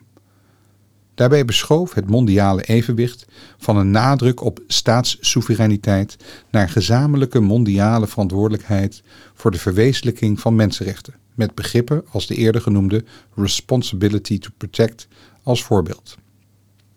Het begin van de 21ste eeuw vormde echter een kantelpunt, waarin verschillende gebeurtenissen en ontwikkelingen samenkwamen die gezamenlijk leidden tot een ondermijning en uitholling van het multilaterale systeem en het mensenrechtenstelsel dat in de voorgaande 50 jaar was opgebouwd. In dit verband kunnen de volgende factoren worden genoemd: 9-11 en de War on Terror, succes en stagnatie van democratiseringsbewegingen en de daarmee gepaard gaande druk op het maatschappelijk middenveld, nieuwe geopolitieke verhoudingen, de impact van globalisering en uitdagingen van het mensenrechtenstelsel zelf. De aanslagen van 11 september 2001 logenstraften het idee dat de westerse liberale democratie wereldwijd zou zegevieren. Ze leken voort te komen uit een afkeer binnen geradicaliseerde islamitische kringen ten opzichte van het Westen, Amerika in het bijzonder, en de op westerse leest geschoeide wereldorde. Een afkeer die ook wel elders bestond. In de jaren die volgden op 9-11 tuigden de Verenigde Staten gezamenlijk met de NAVO twee grootschalige buitenlandse interventies op in Afghanistan en Irak, waarbij de laatste overigens niet door de VN-veiligheidsraad werd gelegitimeerd. Beide interventies werden uiteindelijk mede als democratiseringsoffensieven gerechtvaardigd, maar beoogden als machtspolitieke ingrepen primair om potentiële economische en politieke bedreigingen van het Westen in de kiem te smoren. In de vele jaren die de interventies zouden duren, eisten ze grote aantallen slachtoffers en leidden ze mede tot de opkomst van de gewelddadige terreurbeweging IS in het Midden-Oosten. Daarnaast werden, onder het mom van de strijd tegen het terrorisme, praktijken ontwikkeld en ingezet die op gespannen voet stonden met het internationaal recht, in het bijzonder op het terrein van de rechten van de mens. Dergelijke praktijken hebben ook de geloofwaardigheid van het mondiale mensenrechtenstelsel en zeker de geloofwaardigheid van het Westen als pleitbezorger van dat stelsel in de loop van de jaren direct en indirect aanzienlijk aangetast. Daarbij speelde ook mee dat het Westen meermaals terecht werd verweten bij de praktische toepassing, afhankelijk van eigen belangen, vaak met twee maten te meten. Een politiek realistische visie hierop laat daarbij zien dat er een grote spanning kan bestaan tussen enerzijds het multilateraal mensenrechtenstelsel en anderzijds het geopolitiek machtsrealisme. Responsibility to protect is bijvoorbeeld op een enkele omstreden uitzondering na daarbij veelal een dode letter gebleven. Hierbij lijken bij militaire conflicten of bij essentiële economische belangen de afspraken op het gebied van mensenrechten veelal als eerste te sneuvelen. Een uitsluitend ideologisch-morele benadering van mensenrechten volstaat tegenwoordig dan ook niet, zo meent de AIV. Wie mensenrechten louter vanuit ideële gronden benadert, heeft onvoldoende oog voor de machtspolitieke beweegredenen van veel hedendaagse leiders. Besef van deze machtspolitieke dimensie is noodzakelijk om het mensenrechtenstelsel blijvend te kunnen verdedigen. De botsing tussen mensenrechten en machtspolitiek nam de afgelopen twee decennia sterk toe. Deze kwam ook naar voren in de mondiale protestbewegingen, die soms leidden tot democratische omwentelingen, maar vaker tot een terugval of hernieuwde onderdrukking. Zowel de kleurenrevoluties in staten van de voormalige Sovjet-Unie als de Arabische lente hebben, juist omdat ze soms aanvankelijk succesvol waren, tot een sterke repressieve reactie geleid in veel van die betrokken staten en buurlanden, die al dan niet preventief mensenrechten op allerlei manieren sterk inperkten en schonden. Bij deze schendingen staat de ruimte van het maatschappelijk middenveld al bijna twee decennia onder zware druk. In sommige landen is deze ruimte zelfs bijna geheel verdwenen. De druk manifesteert zich in veel staten in restrictieve wetgeving en beleid, bijvoorbeeld anti-NGO-wetgeving, in een negatief discours rond verdedigers van democratie en mensenrechten, die voor verraders of westerse pionnen worden uitgemaakt, en in zware druk in de praktijk middels intimidaties of de dreiging van geweld. Vooral bewegingen, organisaties en individuen die opkomen voor bescherming van mensenrechten zijn van dit alles het doelwit. Zowel mensenrechten-NGO's als mensenrechtenverdedigers staan in veel landen onder zware druk. Regelmatig worden organisaties verboden of worden mensenrechtenverdedigers onder zware druk gezet, onterecht opgepakt en zelfs vermoord. Zo ook journalisten die wantoestanden aan de kaak stellen. Niet voor niets speelt het onderwerp mensenrechtenverdedigers al jaren een belangrijke rol in het Nederlandse buitenlandsbeleid.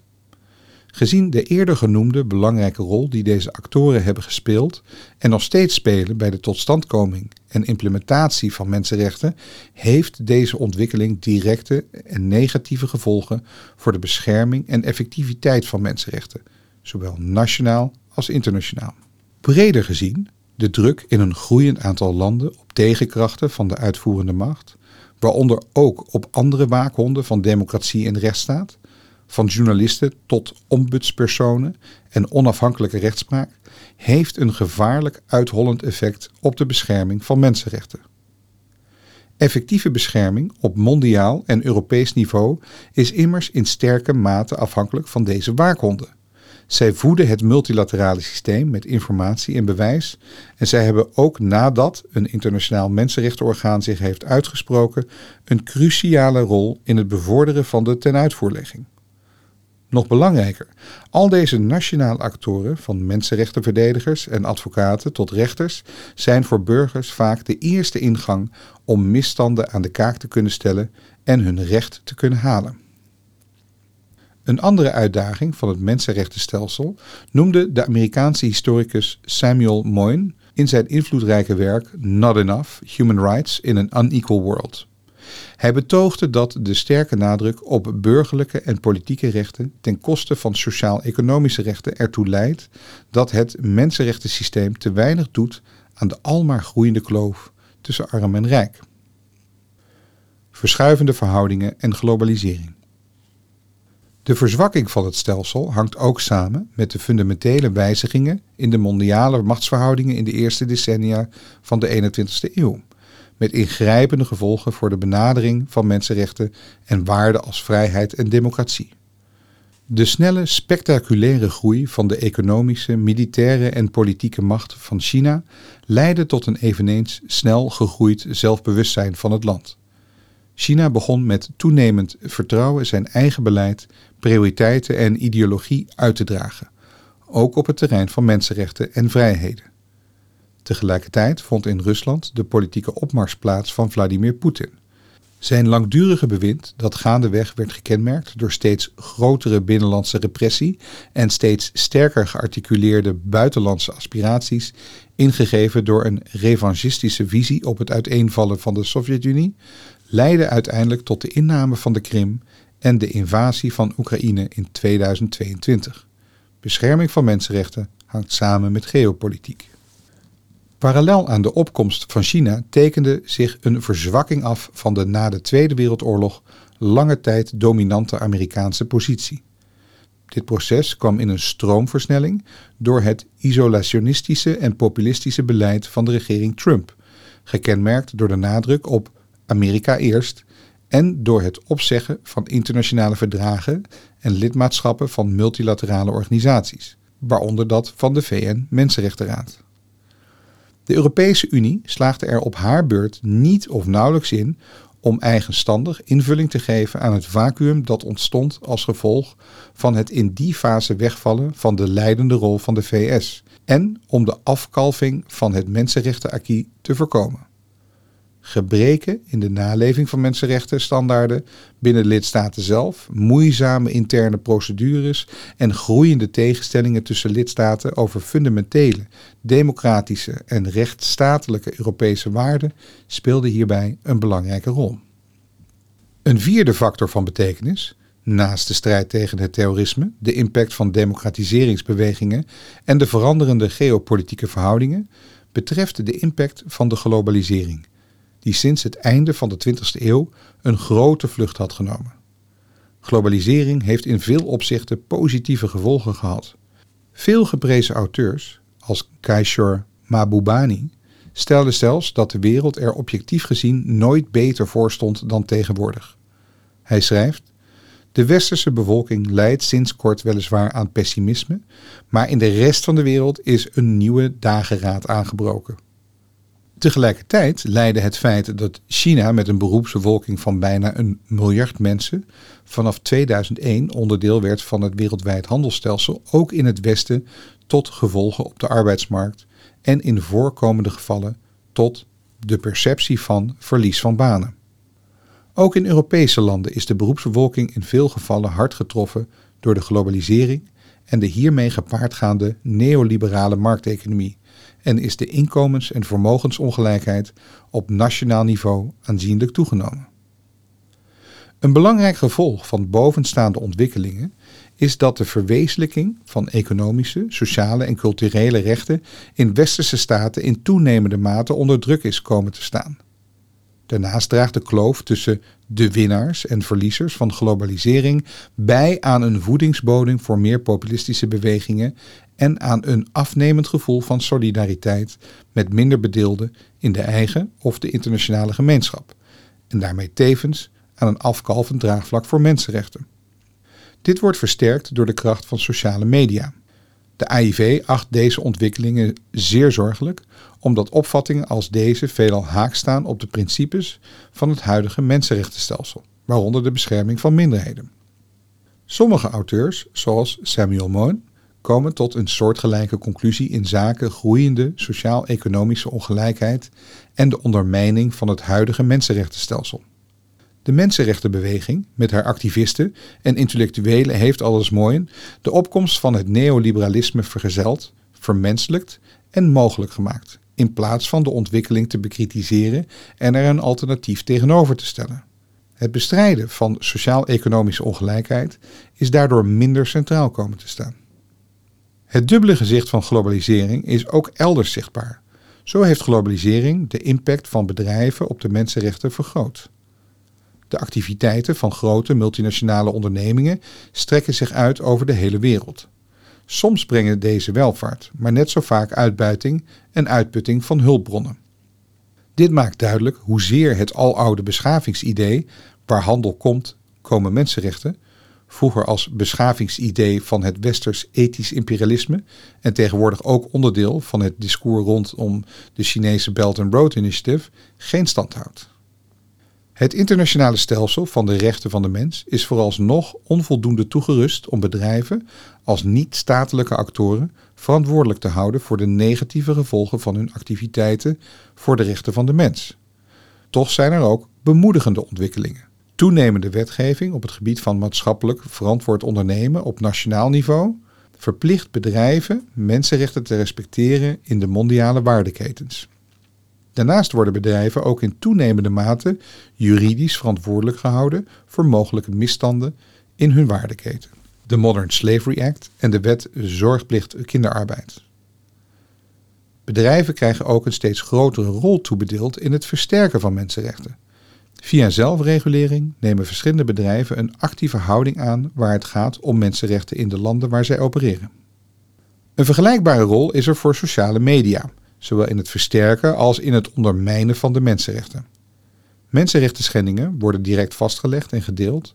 Protestbewegingen komen soms met één hashtag op gang en digitale zichtbaarheid biedt mensenrechtenverdedigers bescherming. De macht van sociale media kan echter ook leiden tot de uitholling van mensenrechten. Zo bieden sociale media vooralsnog vrijwel ongebreidelde mogelijkheden tot het zaaien van haat, het verspreiden van desinformatie en het oproepen tot geweld. Ook controleren al dan niet repressieve overheden steeds meer de toegang tot en het gebruik van sociale media. Ook de ongebreidelde macht van big tech, bedrijven als Google en Meta, Facebook, baart zorgen. Naast deze externe factoren brengt ook de wijze waarop het mensenrechtenstelsel in de loop der jaren vorm heeft gekregen uitdagingen met zich mee voor het behoud van het systeem. Zo is de ondeelbaarheid en onderlinge afhankelijkheid van burger- en politieke rechten enerzijds en economische, sociale en culturele rechten anderzijds onvoldoende gewaarborgd, bijvoorbeeld met de formulering van twee aparte verdragen met verschillende vormen van afdwingbaarheid. Ook werden mensenrechten van een relatief smalle agenda in de loop der jaren een brede beweging waarin vrijwel ieder belang kan worden gevat. Deze uitwaaiering van rechten wordt niet unaniem gesteund, zowel op inhoudelijke gronden als vanwege het te diffuse en te gedetailleerde karakter van die rechten. Tegelijkertijd lijken nieuwe mondiale narratieven, zoals op het terrein van de Sustainable Development Goals, SDG's, en klimaat- en milieubescherming, het mensenrechtensysteem, inclusief bestaande juridische bindende afspraken, te baseren. Het multilaterale mensenrechteninstrumentarium zelf kent voorts een aantal grote problemen. Internationale en regionale organen, hoven, verdragsorganen, zijn veelal overbelast en ondergefinancierd, terwijl de effectiviteit van de VN-Mensenrechtenraad, MRR, onder druk staat. Ook de samenstelling van de Veiligheidsraad, met het vermogen van de permanente leden om een veto uit te spreken met betrekking tot actie om mensenrechten schendingen in eigen landen te stoppen, leidt terecht tot kritiek, zowel door westerse staten als ook door bijvoorbeeld Brazilië, India, Japan en vele andere landen. Binnen de Raad van Europa is de laatste jaren een zorgwekkende ontwikkeling te bespeuren van afnemende naleving van arresten van het Europees Hof voor de Rechten van de Mens, EHRM. Vooral politiek gevoelige arresten of uitspraken die grootschalige hervormingen vereisen, worden onvoldoende of zelfs geheel niet nageleefd. Dat betreft zowel EU-lidstaten, zoals Polen en Hongarije, als ook andere Raad van Europa-leden, zoals Turkije en Rusland. De afnemende effectiviteit van groepsdruk binnen het comité van ministers wat betreft naleving van EHRM-arresten draagt het risico in zich dat staten uiteindelijk alle onwelvallige uitspraken aan hun laars kunnen lappen. Dit zal de impact van de EVRM en het gezag van het Hof ernstig ondermijnen. Ook het vertrek van Rusland baart in deze context zorgen. Niet alleen vanwege de wegvallende rechtsbescherming voor miljoenen inwoners van de Russische Federatie, maar ook omdat met het vertrek van een van de grootste betalers de continuïteit en effectiviteit van de Raad van Europa in het geding is. Tot slot heeft, zoals de AIV hierboven reeds aangaf, het interstatelijke mensenrechtenstelsel nog geen goede oplossing om de rol van niet-statelijke actoren op een dusdanige wijze te adresseren dat mensenrechten worden bevorderd in plaats van ingeperkt of geschonden.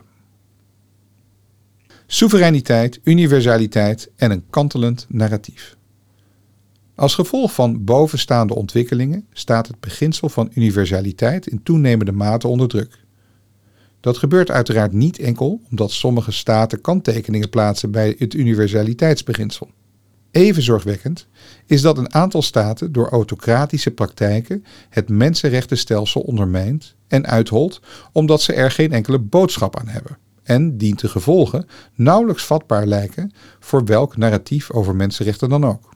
Zoals eerder genoemd doen de uitholling van de onafhankelijkheid van de rechterlijke macht in deze landen en de repressie van het maatschappelijk middenveld, voor zover eerder aanwezig, tegenstemmen ook verstommen. In dit verband kan worden gewezen op het door Anne Applebaum geïntroduceerde concept van Autocracy Inc. als nieuwe verschijningsvorm van autoritaire regimes die elkaar de hand boven het hoofd houden en helpen om in het zadel te blijven met onderlinge steun, via directe financiële steun of investeringen, surveillance technologie en politieke en militaire ondersteuning.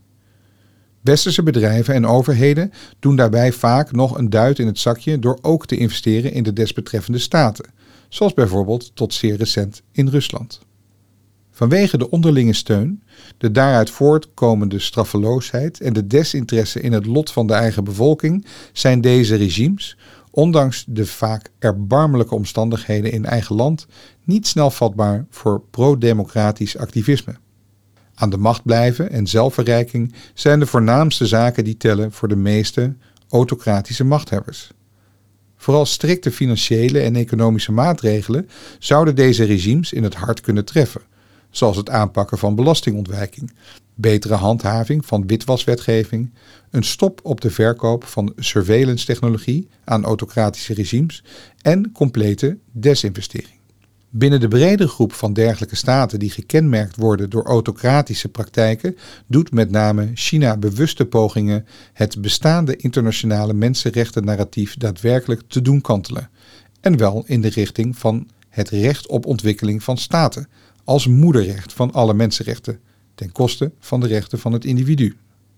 Ten aanzien van het bestaande stelsel van universele mensenrechten kunnen verschillende typen van ondermijning worden onderscheiden het negeren van het narratief, staten die zich er niks van aantrekken, misbruik en verdraaiing van het narratief, bijvoorbeeld Rusland dat vermeende geocide inriep om Oekraïne binnen te vallen, aanvallen op het narratief, bijvoorbeeld mensenrechten als behorend bij een losgezongen internationale elite of als puur westers, en pogingen tot een fundamenteel andere invulling van het narratief, het Chinese beleid. Nieuwe kansen voor mensenrechten. Ondanks bovengenoemde problemen, uitdagingen en risico's bestaan er ook veel nieuwe kansen en een duidelijk instrumentarium voor mensenrechtenbescherming. Daarbij valt aan te sluiten op inzichten over de condities waaronder mensenrechten het verschil maken. De AIV identificeert er hier een aantal.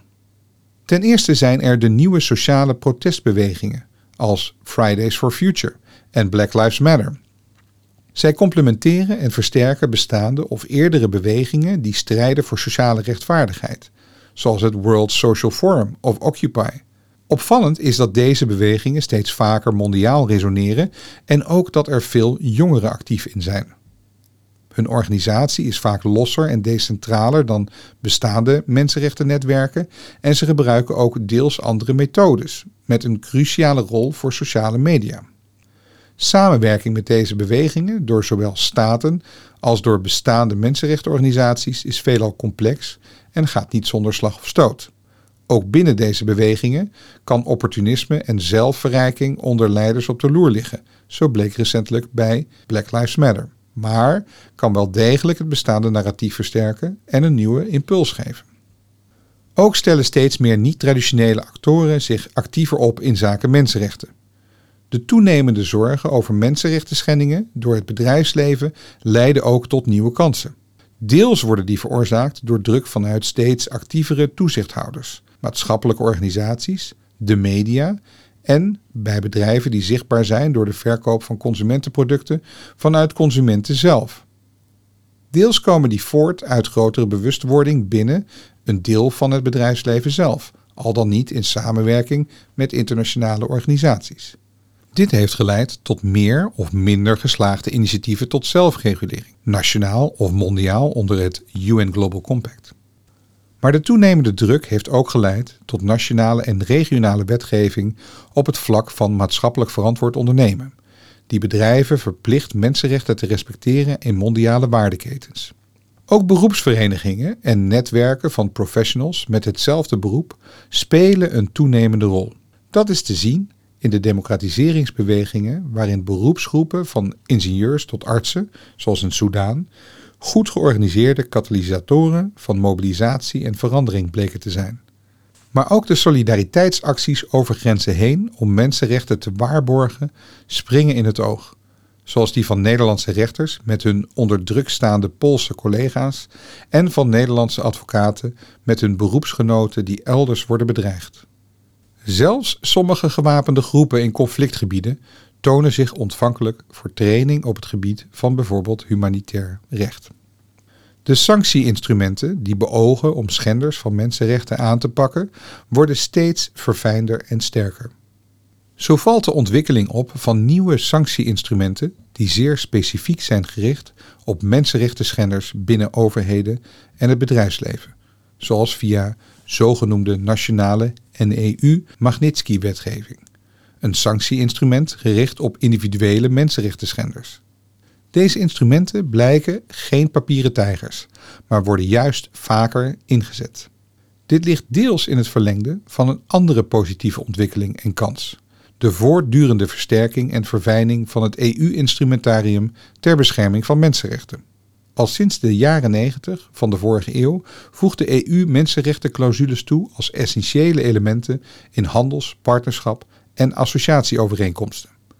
Hoewel die overeenkomsten niet gemakkelijk op basis van deze clausules kunnen worden opgesort, stellen ze de EU in staat om een dialoog aan te gaan met partners over mensenrechten, democratie en de rechtsstaat.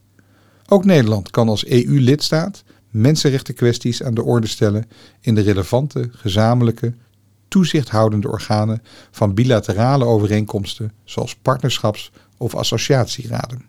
In belangrijke mate wordt uitbreiding en versterking van EU-instrumentarium gedreven door de hierboven beschreven externe geopolitieke bedreigingen en door interne negatieve tendensen in sommige lidstaten, onder andere, maar niet uitsluitend Hongarije en Polen.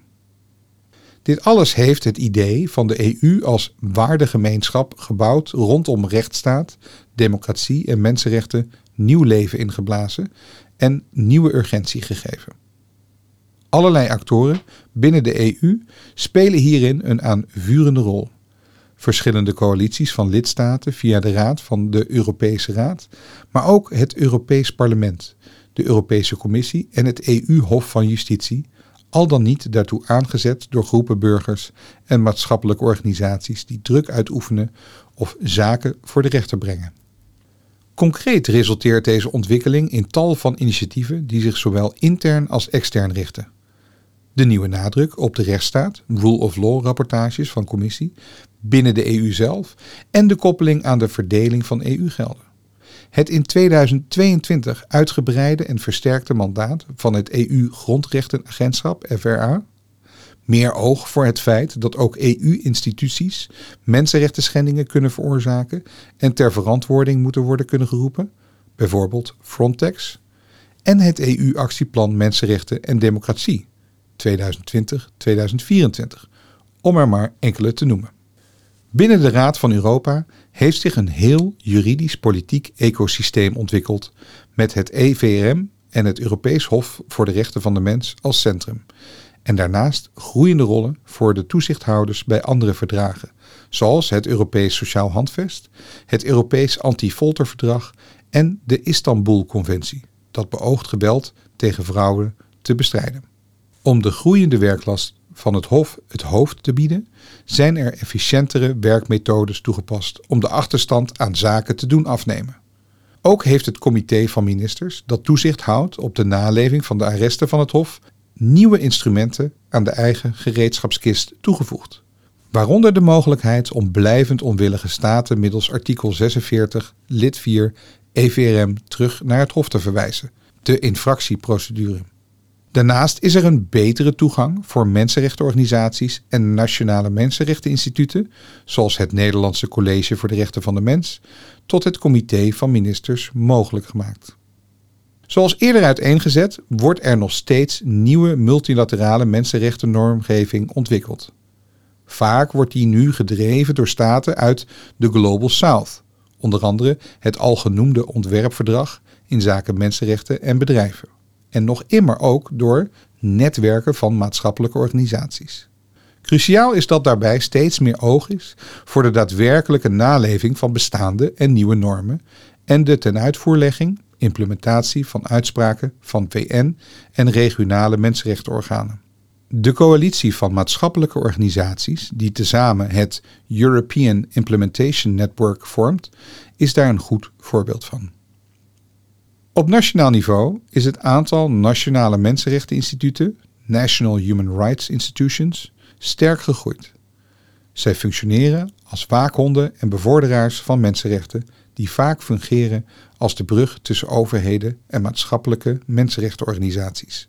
Hoewel er in sommige gevallen zorgen zijn over onafhankelijkheid, is over de gehele linie beschouwd de ontwikkeling positief.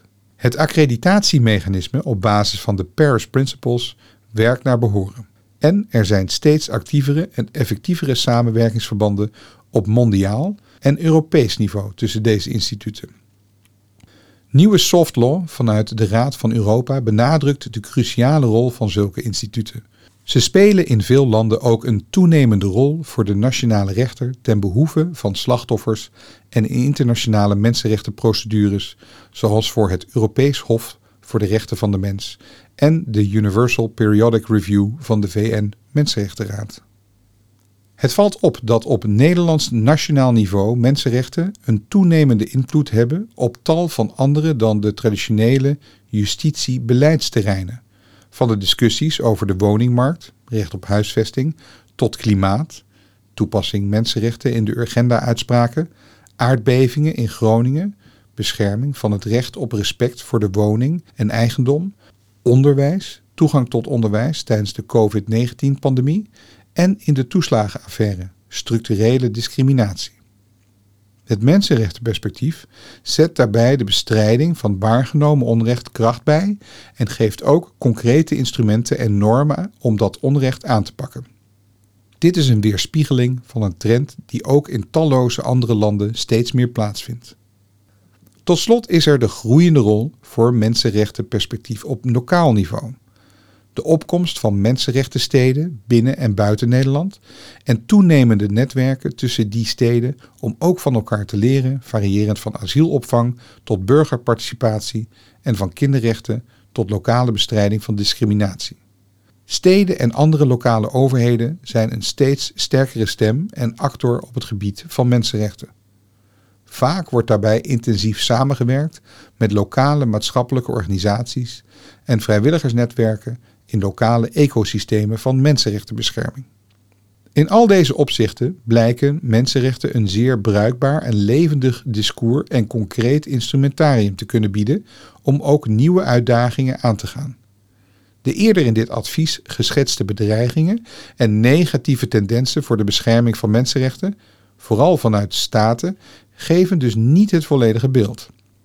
Talloze actoren buiten de centrale nationale uitvoerende macht, van lokale overheden tot bedrijven en van nationale mensenrechteninstituten tot burgers zelf, spelen een steeds belangrijkere rol in de bescherming van mensenrechten. Dat gaat niet zonder horten en stoten, maar het is wel een belangrijke aanvulling op het beeld van geopolitieke bedreigingen voor mensenrechten. Juist het voortbouwen op en het aansluiting zoeken bij de hier genoemde kansen voor mensenrechten zijn cruciaal om een sterk Nederlands mensenrechtenbeleid te kunnen schragen. Al met al vormen de geopolitieke en andere fundamentele verschuivingen van de 21ste eeuw grote bedreigingen, maar zijn er ook nieuwe kansen voor de mondiale verwezenlijking van mensenrechten. Tegenover de overduidelijke ondermijning door bijvoorbeeld China en Rusland staan stevige internationale en nationale protestbewegingen, nieuwe netwerken en meer verfijnde sanctieinstrumenten. Over de vraag hoe Nederland zich binnen dit krachtenveld moet positioneren gaat het volgende hoofdstuk. Pijlers voor een Nederlands mensenrechtenbeleid. Uitdagingen vanuit Nederlands, binnenlands en beleidsperspectief. In het tweede deel van dit advies, hoofdstuk 3, is geanalyseerd hoe verschillende internationale gebeurtenissen en ontwikkelingen gezamenlijk leiden tot ondermijning en uitholling van het multilaterale systeem en het mensenrechtenstelsel. De AIV identificeert tegelijkertijd ook een aantal ontwikkelingen die nieuwe kansen bieden voor mensenrechten. Alvorens in dit deel richtingen aan te reiken voor de koers van het Nederlands mensenrechtenbeleid, zullen eerst uitdagingen vanuit Nederlands binnenlands en beleidsperspectief worden besproken. De Nederlandse beleidscontext brengt uitdagingen voor mensenrechten met zich mee. Ten eerste leidt de bevordering van mensenrechten onder de neiging deze als een specialisme te zien dat andere delen van het buitenlands beleid niet raakt. De scheidingen en schotten tussen de verschillende afdelingen van het ministerie van Buitenlandse Zaken en tussen verschillende ministeries kunnen een coherent, consistent mensenrechtenbeleid in de weg staan. In deze gefragmenteerde context zien we een ontwikkeling waarbij mensenrechten regelmatig het onderspit delven tegen economische of politieke belangen. Verder beperken de frequente roulatie van medewerkers tussen afdelingen en de geringe staf ook de slagvaardigheid van het mensenrechtenbeleid. Op de posten is de slagkracht wat betreft mensenrechten in het licht van de geopolitieke ontwikkelingen nog te beperkt. Ten tweede vormt het feit dat er per kabinetsperiode nieuwe speerpunten van het Nederlands buitenlands beleid op het gebied van mensenrechten worden afgesproken een uitdaging.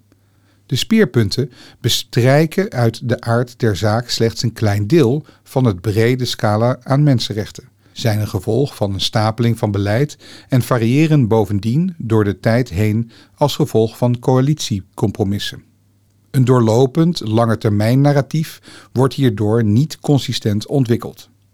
Ten derde is er sprake van een hardnekkige scheiding tussen nationaal en internationaal beleid. Dit terwijl de grenzen tussen nationaal en internationaal in toenemende mate vervagen in de huidige netwerksamenleving, waar nationale beleidsthema's ook mondiale vraagstukken zijn geworden en vice versa. Ook waar het gaat om mensenrechten zijn het binnen- en het buitenland met elkaar verweven. Te denken valt bijvoorbeeld aan consumptiegoederen in Nederland die met schending van kinder- en andere mensenrechten geproduceerd zijn. Net als veel andere landen kent Nederland als gevolg van processen van globalisering scherpere binnenlandse tegenstellingen tussen openheid en geslotenheid, tussen meer cosmopolitisch georiënteerde en meer nationaal en lokaal gerichte mensen. De gegroeide onzekerheid en sceptisch jegens het buitenland brengt het risico met zich mee dat interesse voor buitenlands beleid in het algemeen afneemt en het varen van de oude, vertrouwde internationale koers minder vanzelfsprekend is geworden. Tegen deze achtergrond is de politieke realiteit dat er minder aandacht is voor mensenrechten in het buitenlands beleid vanuit de uitvoerende macht, soms versterkt door politieke onmacht of onwil. De vroegere algemene steun voor het bevorderen van mensenrechten in het internationale beleid is afgebrokkeld. Deels omdat overwegingen van eigen belang een grotere plaats zijn gaan innemen, maar ook door twijfels over de zinvolheid daarvan. De afgenomen steun gaat hand in hand met een verandering in het politieke klimaat ten aanzien van mensenrechten. Er wordt gesproken over proliferatie van mensenrechten, vaak met verwijzing naar de vele formuleringen en toespitsingen in verdragen. Daarbij gaan criticasters er gemakkelijk aan voorbij dat die verdragen vaak tot stand zijn gekomen om mensen in kwetsbare situaties te beschermen, zoals vrouwen, kinderen of mensen met een beperking. Deze verandering kan gevolgen hebben in Nederland, zoals de pleidooien om de rol van de rechter in de mensenrechtenbescherming te beperken, maar zeker ook voor het Nederlandse buitenlandse beleid. Recente crises, zoals de oorlog in Oekraïne, tonen juist aan dat veiligheid en mensenrechten verweven zijn en dat bescherming van mensenrechten onmisbaar is voor de effectiviteit van het Nederlandse buitenlands beleid. Maar zonder voldoende steun in de Nederlandse politiek zal het moeilijk, zo niet onmogelijk worden in dat beleid een sectoroverstijgende betrokkenheid te realiseren. Het handelingsperspectief voor Nederland. Op het gebied van de bevordering van de internationale rechtsorde, waaronder de rechten van de mens, kent Nederland een lange traditie. Deze gaat onder meer terug op Hugo de Groot, 1583-1645,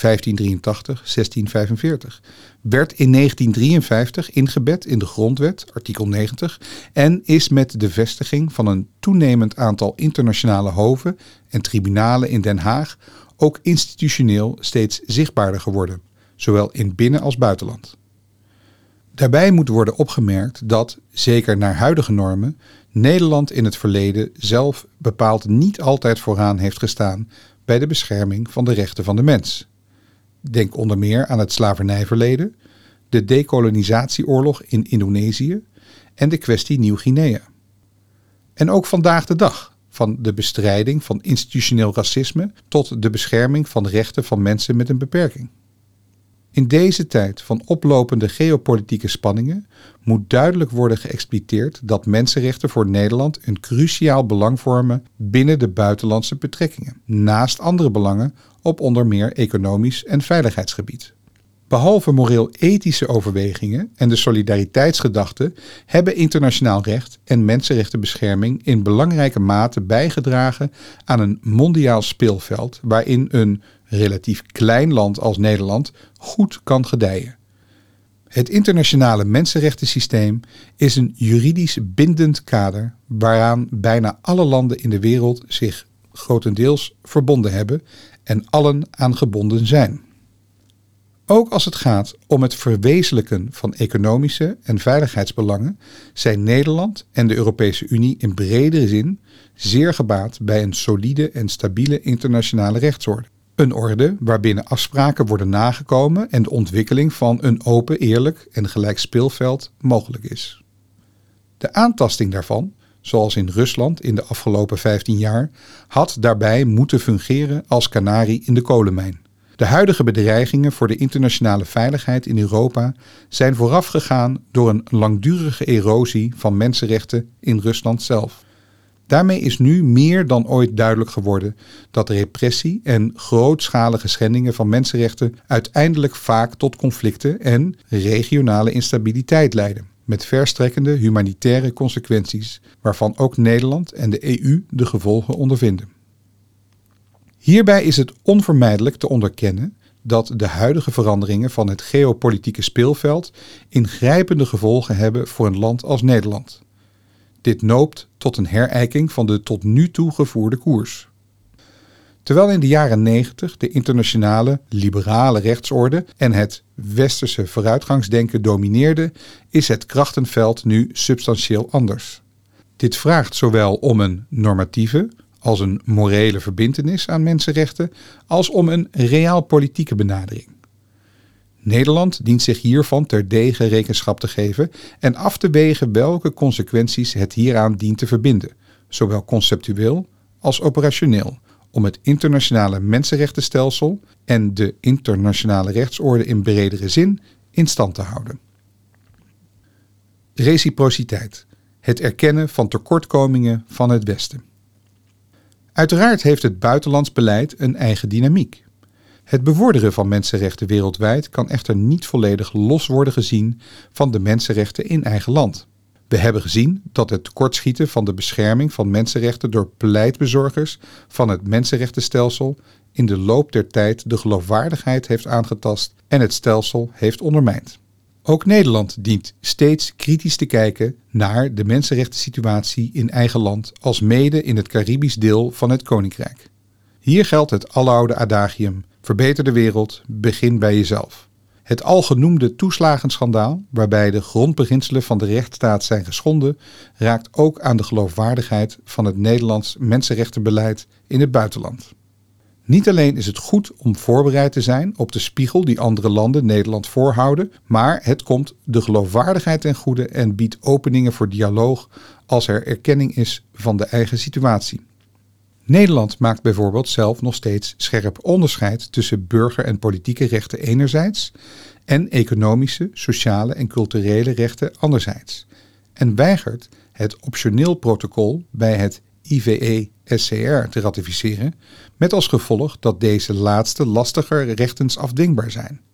Dit terwijl Nederland de belangen die door deze economische, sociale en culturele rechten worden beschermd op zich heel belangrijk vindt. Denk aan onderwijs, gezondheid en sociale zekerheid. Een ander voorbeeld is de actieve participatie van Nederland in mensenrechtengremia, zoals de VN Mensenrechtenraad en de actieve steun aan de VN Hoge Commissaris voor de Mensenrechten. Tegelijkertijd is men in pers en parlement dikwijls erg kritisch op deze gremia. Dit alles vraagt beleidsmatig om meer coherentie. Kritiek op de binnenlandse mensenrechten-situatie vanuit andere staten levert ook kansen voor een nieuw narratief. In elk land vallen, in meerdere of mindere mate, lacunes en problemen op het gebied van mensenrechten aan te wijzen. Waar het echter om gaat is niet het ontkennen of bagatelliseren daarvan, maar het benadrukken dat alles draait om de wijze waarop een staat met dergelijke problemen en schendingen omgaat. Bestaan er herstelmechanismen? Van een goed functionerende rechtsstaat en democratie tot en met de aanwezigheid van en vrijheid voor allerhande waakhonden om misstanden aan te kaarten. Van nationale mensenrechteninstituten en ombudspersonen tot vrije en pluriforme media en van burgerparticipatie tot de mogelijkheid voor slachtoffers om rechtsherstel te verkrijgen, nationaal en als uiterste remedie ook internationaal. Niet de afwezigheid van schendingen moet centraal staan, maar de aanwezigheid van een constitutionele, politieke en maatschappelijke infrastructuur om schendingen te voorkomen en herstellen. Uiteraard hebben alle interpretaties van mensenrechten ook tekortkomingen, dus ook de Nederlandse. Er valt veel te leren van niet-westerse interpretaties en perspectieven. Denk aan de nadruk op wederkerigheid en gezamenlijkheid in de Afrikaanse filosofie van Ubuntu. Denk ook aan de waarde die wordt gehecht aan het in balans houden van familiebelangen tegenover individuele belangen in veel Oosterse culturen. En uiteraard is het ook altijd van belang oog te blijven houden voor de grenzen aan wat mensenrechten kunnen bewerkstelligen. Maar dat neemt niet weg dat mensenrechten in binnenlands en buitenlands beleid kernwaarden en een centraal belang voor Nederland zijn. Een meer geïntegreerde benadering. De categorisering van mensenrechten in burgerrechten, politieke rechten, economische rechten, sociale rechten en culturele rechten is een grotendeels achterhaalde notie en een ongelukkig gevolg van het aannemen van twee aparte verdragen binnen de VN tijdens de Koude Oorlog. In de Universele Verklaring van de Rechten van de Mens en in alle thematische VN-mensenrechtenverdragen, van het Kinderrechtenverdrag tot het Verdrag tegen vrouwendiscriminatie, staan ze bij elkaar. De verdragen zelf geven ook niet aan welke rechten onder welke categorie vallen. Dit maakt het ingewikkeld te bepalen welk recht precies onder welke noemer valt. Bijvoorbeeld, het recht op vrijheid van meningsuiting is een burgerrecht, maar ook een politiek recht een cultureel recht, kunst, en een sociaal recht, staking. Het recht op onderwijs is een sociaal recht, een economisch recht, maar ook een cultureel recht en een burgerrecht. Feitelijk doet de categorisering er niet veel toe. Alle mensenrechten kunnen negatieve en positieve verantwoordelijkheden en plichten met zich meebrengen. Eenzelfde argumentatie geldt voor de tegenstelling tussen collectieve waarden of rechten tegenover individuele. China, Rusland en andere landen spreken vaak over collectieve waarden of collectieve rechten. Dat is echter iets anders dan de traditionele scheiding tussen individuele vrijheidsrechten en groepsrechten, zoals solidariteitsrechten, zoals recht op schoon leefmilieu, recht op vrede, recht op ontwikkeling. Of rechten van volkeren of bepaalde groepen, zoals inheemse volkeren, minderheden. Dergelijke landen bedoelen rechten zoals behartigd door de staat als vertegenwoordiger van de maatschappij als geheel, waar individuele rechten of rechten van minderheden ondergeschikt aan zijn. Er kan weliswaar grote spanning zijn tussen individuele rechten en de rechten van het collectief, maar dit betekent niet dat beide niet ook elkaar kunnen versterken. Individuele rechten hebben ook baat bij een stabiele maatschappij en bepaalde individuele rechten, zoals de vrijheid van vereniging en vergadering, kunnen slechts bestaan bij de gratie van samenwerking in collectieven. Het is dan ook cruciaal om te voorkomen dat een westers land als Nederland wordt neergezet als enkel opkomend voor individuele rechten. Dit is niet alleen bezijden de waarheid, maar ook mensenrechtelijk juridisch niet correct. Universaliteit is, zoals gezegd, niet hetzelfde als uniformiteit. Er is ruimte voor verschillende invulling en tempo. Maar Nederland moet in het buitenlands beleid pal staan voor de onderliggende waarden van de mensenrechten. Op grond van een doorlopende narratief kunnen verschillende onderwerpen en kwesties worden belicht en benadrukt afhankelijk van de context en de gesprekspartner. In plaats van het belang van het ene recht tegenover het andere te stellen, of zich door andere staten tot een dergelijke discussie te laten verleiden, is het cruciaal de permanente bescherming van de kern van ieder recht te benadrukken en te bevorderen. Bij absolute normen, verbod op foltering, verbod op slavernij, geldt dit voor de hele norm. Bij inperkbare mensenrechten geldt dit voor een bepaald onaantastbare kern. Zo heeft het recht op onderwijs een kern van non-discriminatie bij toegang tot onderwijs, en het recht op huisvesting heeft het voorkomen van dakloosheid of grootschalige huisuitzettingen als kern. Met andere woorden, wellicht is nog niet voor elk land een invoering van het homohuwelijk haalbaar of acceptabel, maar gelijke behandeling en het tegengaan van geweld tegen LHBTI'ers geldt altijd en overal, ongeacht culturele of nationale context. Dit laat onverlet dat alle inperkingen van mensenrechten alleen kunnen bestaan conform de voorwaarden die daaraan worden gesteld door het internationale recht. Nederland moet ook landen ter verantwoording kunnen roepen als inperken van mensenrechten niet bij de wet zijn voorzien, geen legitiem doel dienen of niet noodzakelijk of proportioneel zijn. Het bestaan van passende waarborgen is dus cruciaal.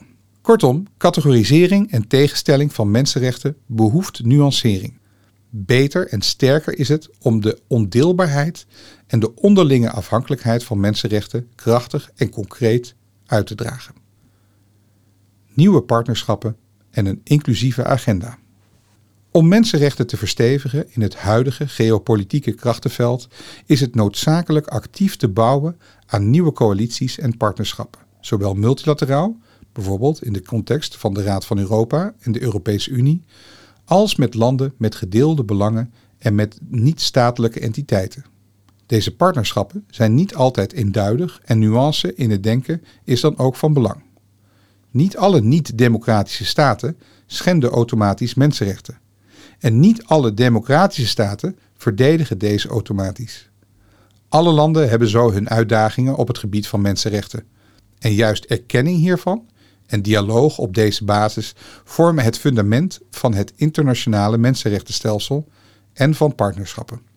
Met de toename van zogenaamde spoilerlanden, Polen, Hongarije en ook andere, en een afname van eenduidige steun voor mensenrechten, per thema betreft dit andere landen, binnen de EU, is krachtige ondersteuning van de centrale EU-instituties cruciaal. De nieuwe Duitse regeringscoalitie lijkt de goede samenwerking met Nederland te willen versterken. Verder kan Nederland bogen op sterke partners als Frankrijk, de mede-Benelux-landen en de Scandinavische landen. Tegelijkertijd moet Nederland zich bij gebrek aan EU-consensus niet laten belemmeren om in coalities met gelijkgestemde EU-landen of in andere coalities actief tegenwicht te geven aan grootmachten als China, Rusland of Saoedi-Arabië. Dit gebeurt nu al op bepaalde mensenrechtelijke thema's, maar zou veel actiever, ook specifiek in Noord-Zuid-coalities, moeten worden opgezocht. Daarbij kan gebouwd worden op samenwerking met gelijkgestemde staten. Canada, bepaalde landen in Latijns-Amerika, Afrika, het Midden-Oosten en Azië. Maar ook slimme coalities met staten die wellicht niet op alle vlakken de Nederlandse inzet of waarde delen, maar op een deelterrein wel tot samenwerking bewogen kunnen worden, bijvoorbeeld Indonesië of Zuid-Afrika. Het zoeken naar nieuwe vormen van partnerschappen kan ook profiteren van de in dit advies geïdentificeerde kansen op het gebied van mensenrechten. Naast de gemeenschap van staten is er steeds meer sprake van een mondiale en lokale netwerksamenleving waar allerlei niet-statelijke actoren een rol spelen. Zo is er meer aandacht voor de rol van het bedrijfsleven bij het respecteren van de mensenrechten. Andere actoren waar samenwerking mee kan worden gezocht, juist ook in landen waar de dialoog met regeringen over mensenrechten lastig is, zijn nationale mensenrechteninstituten of ombudspersonen, lokale maatschappelijke organisaties en jongerenbewegingen, kerken en andere levensbeschouwelijke organisaties en lokale overheden.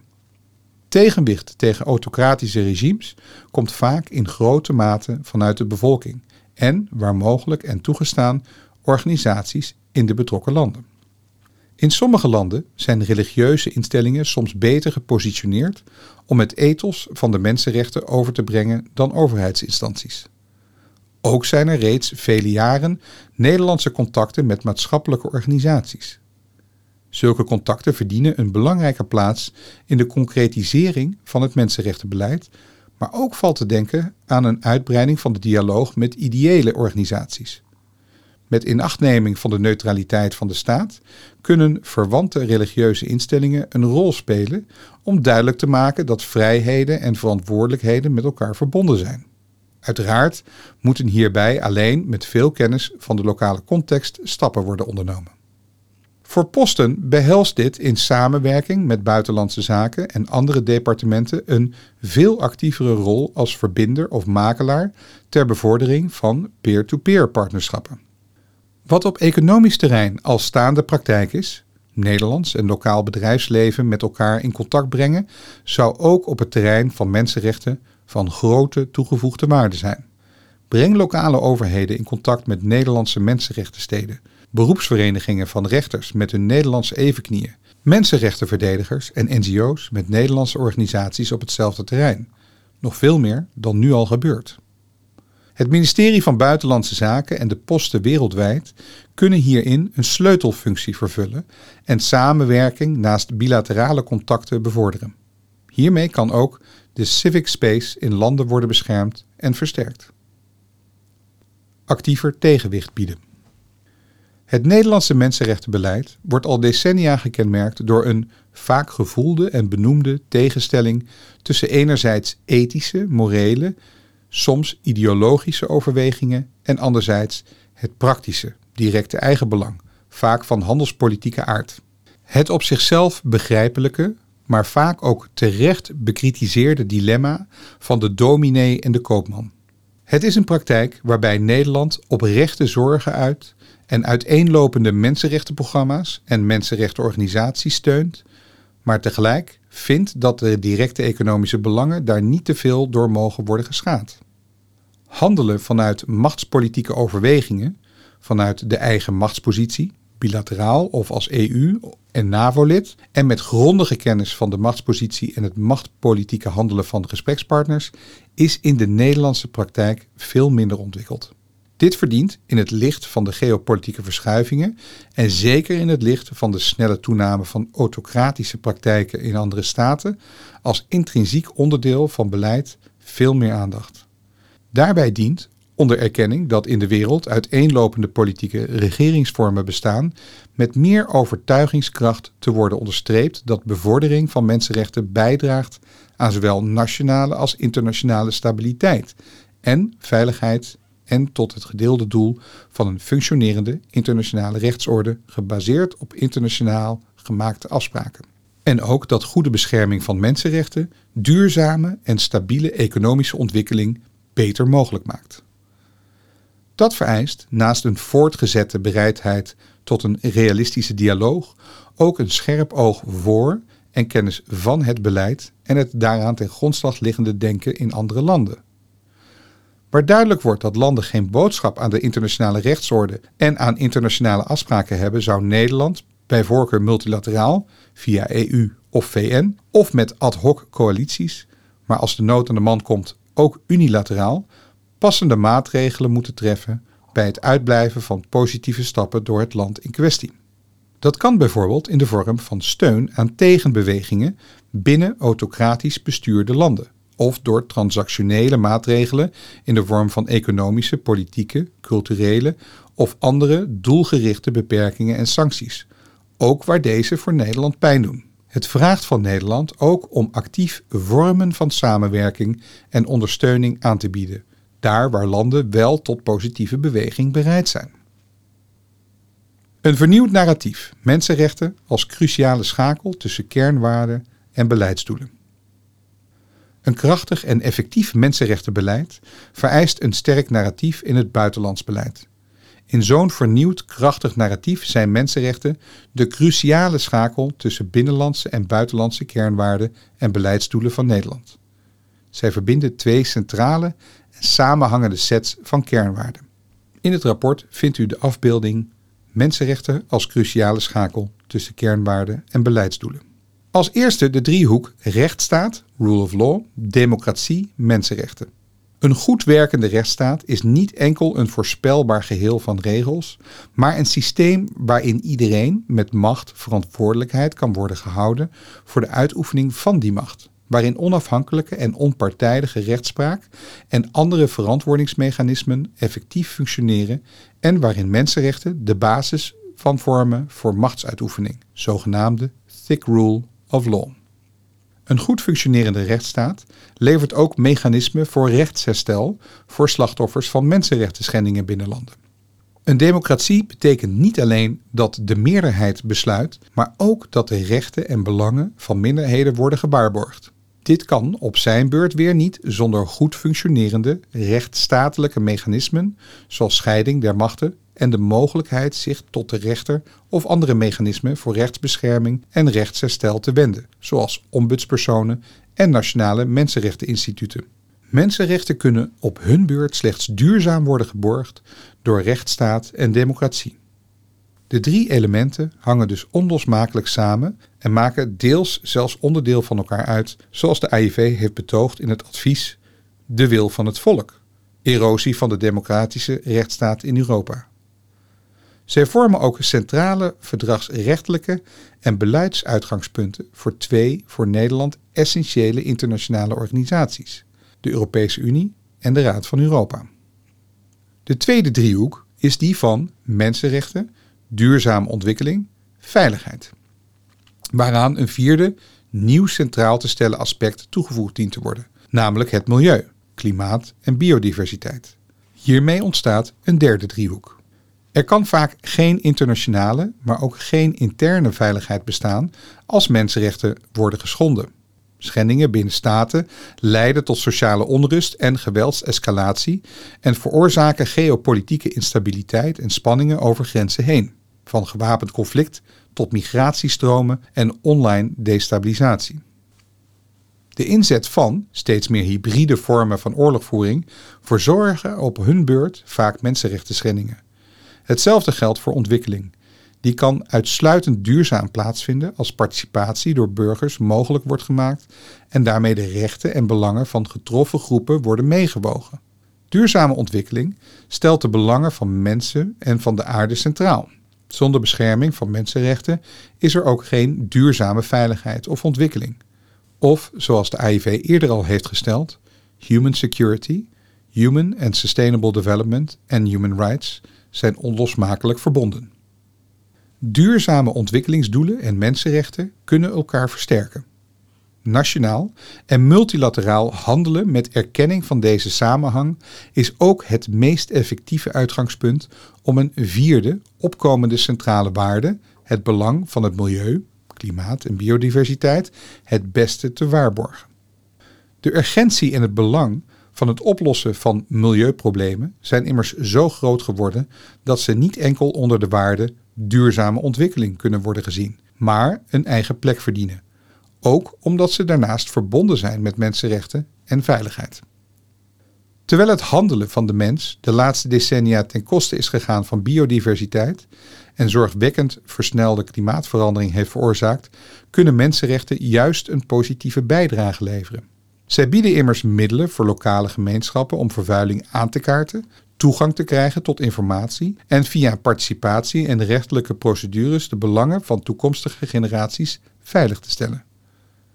De VN-Mensenrechtenraad heeft dit verband eind 2021 benadrukt door het recht op een schoon, gezond en duurzaam milieu te erkennen en een speciale rapporteur te benoemen op het gebied van mensenrechten in de context van klimaatverandering. Bescherming en bevordering van mensenrechten zijn de enige overlappende en daarmee cruciale schakel tussen deze twee sets van centrale Nederlandse en internationale kernwaarden en beleidsdoelen, zoals hieronder weergegeven, en integreren de kernwaarden en belangen, zoals ook uitgedragen door de EU, Raad van Europa en VN. Hieruit volgt ook dat kunstmatige tegenstellingen of dichotomieën in discours en in beleid, zoals de metafoor van koopman versus dominee, achter ons moeten worden gelaten. De verschillende elementen moeten in een benadering die de mens als deel van het bredere ecosysteem aarde centraal stelt, worden gezien als elkaar versterkend. Samenvattend kent de Nederlandse beleidscontext op het gebied van mensenrechten uitdagingen op het gebied van verkokering, wisselende speerpunten en de afnemende belangstelling en waardering voor het buitenlands beleid over het algemeen. Dit doet geen recht aan de Nederlandse internationaal rechtelijke traditie en het belang hiervan voor Nederland. Deze traditie komt met de verantwoordelijkheid om mensenrechten juist ook in eigen land serieus te nemen. Voor wat het buitenlands beleid betreft vraagt dit om een combinatie van expliciete normatieve stellingname in combinatie met politiek realisme. Een meer geïntegreerde benadering, nieuwe partnerschappen en het bieden van tegenwicht vanuit begrip voor andere landen zijn daarbij belangrijke bouwstenen. Dit was Mensenrechten, kernbelang in een geopolitiek krachtenveld. AIV-advies nummer 122. Gepubliceerd 28 juni 2022. Voorgelezen door Maarten Biermans. Opgenomen in de Salto Studios in Amsterdam. Bij verschillen tussen gesproken en geschreven tekst prevaleert de laatste. Copyright AIV 2022. Bezoek www.adviesraadinternationalevraagstukken.nl voor het volledige advies.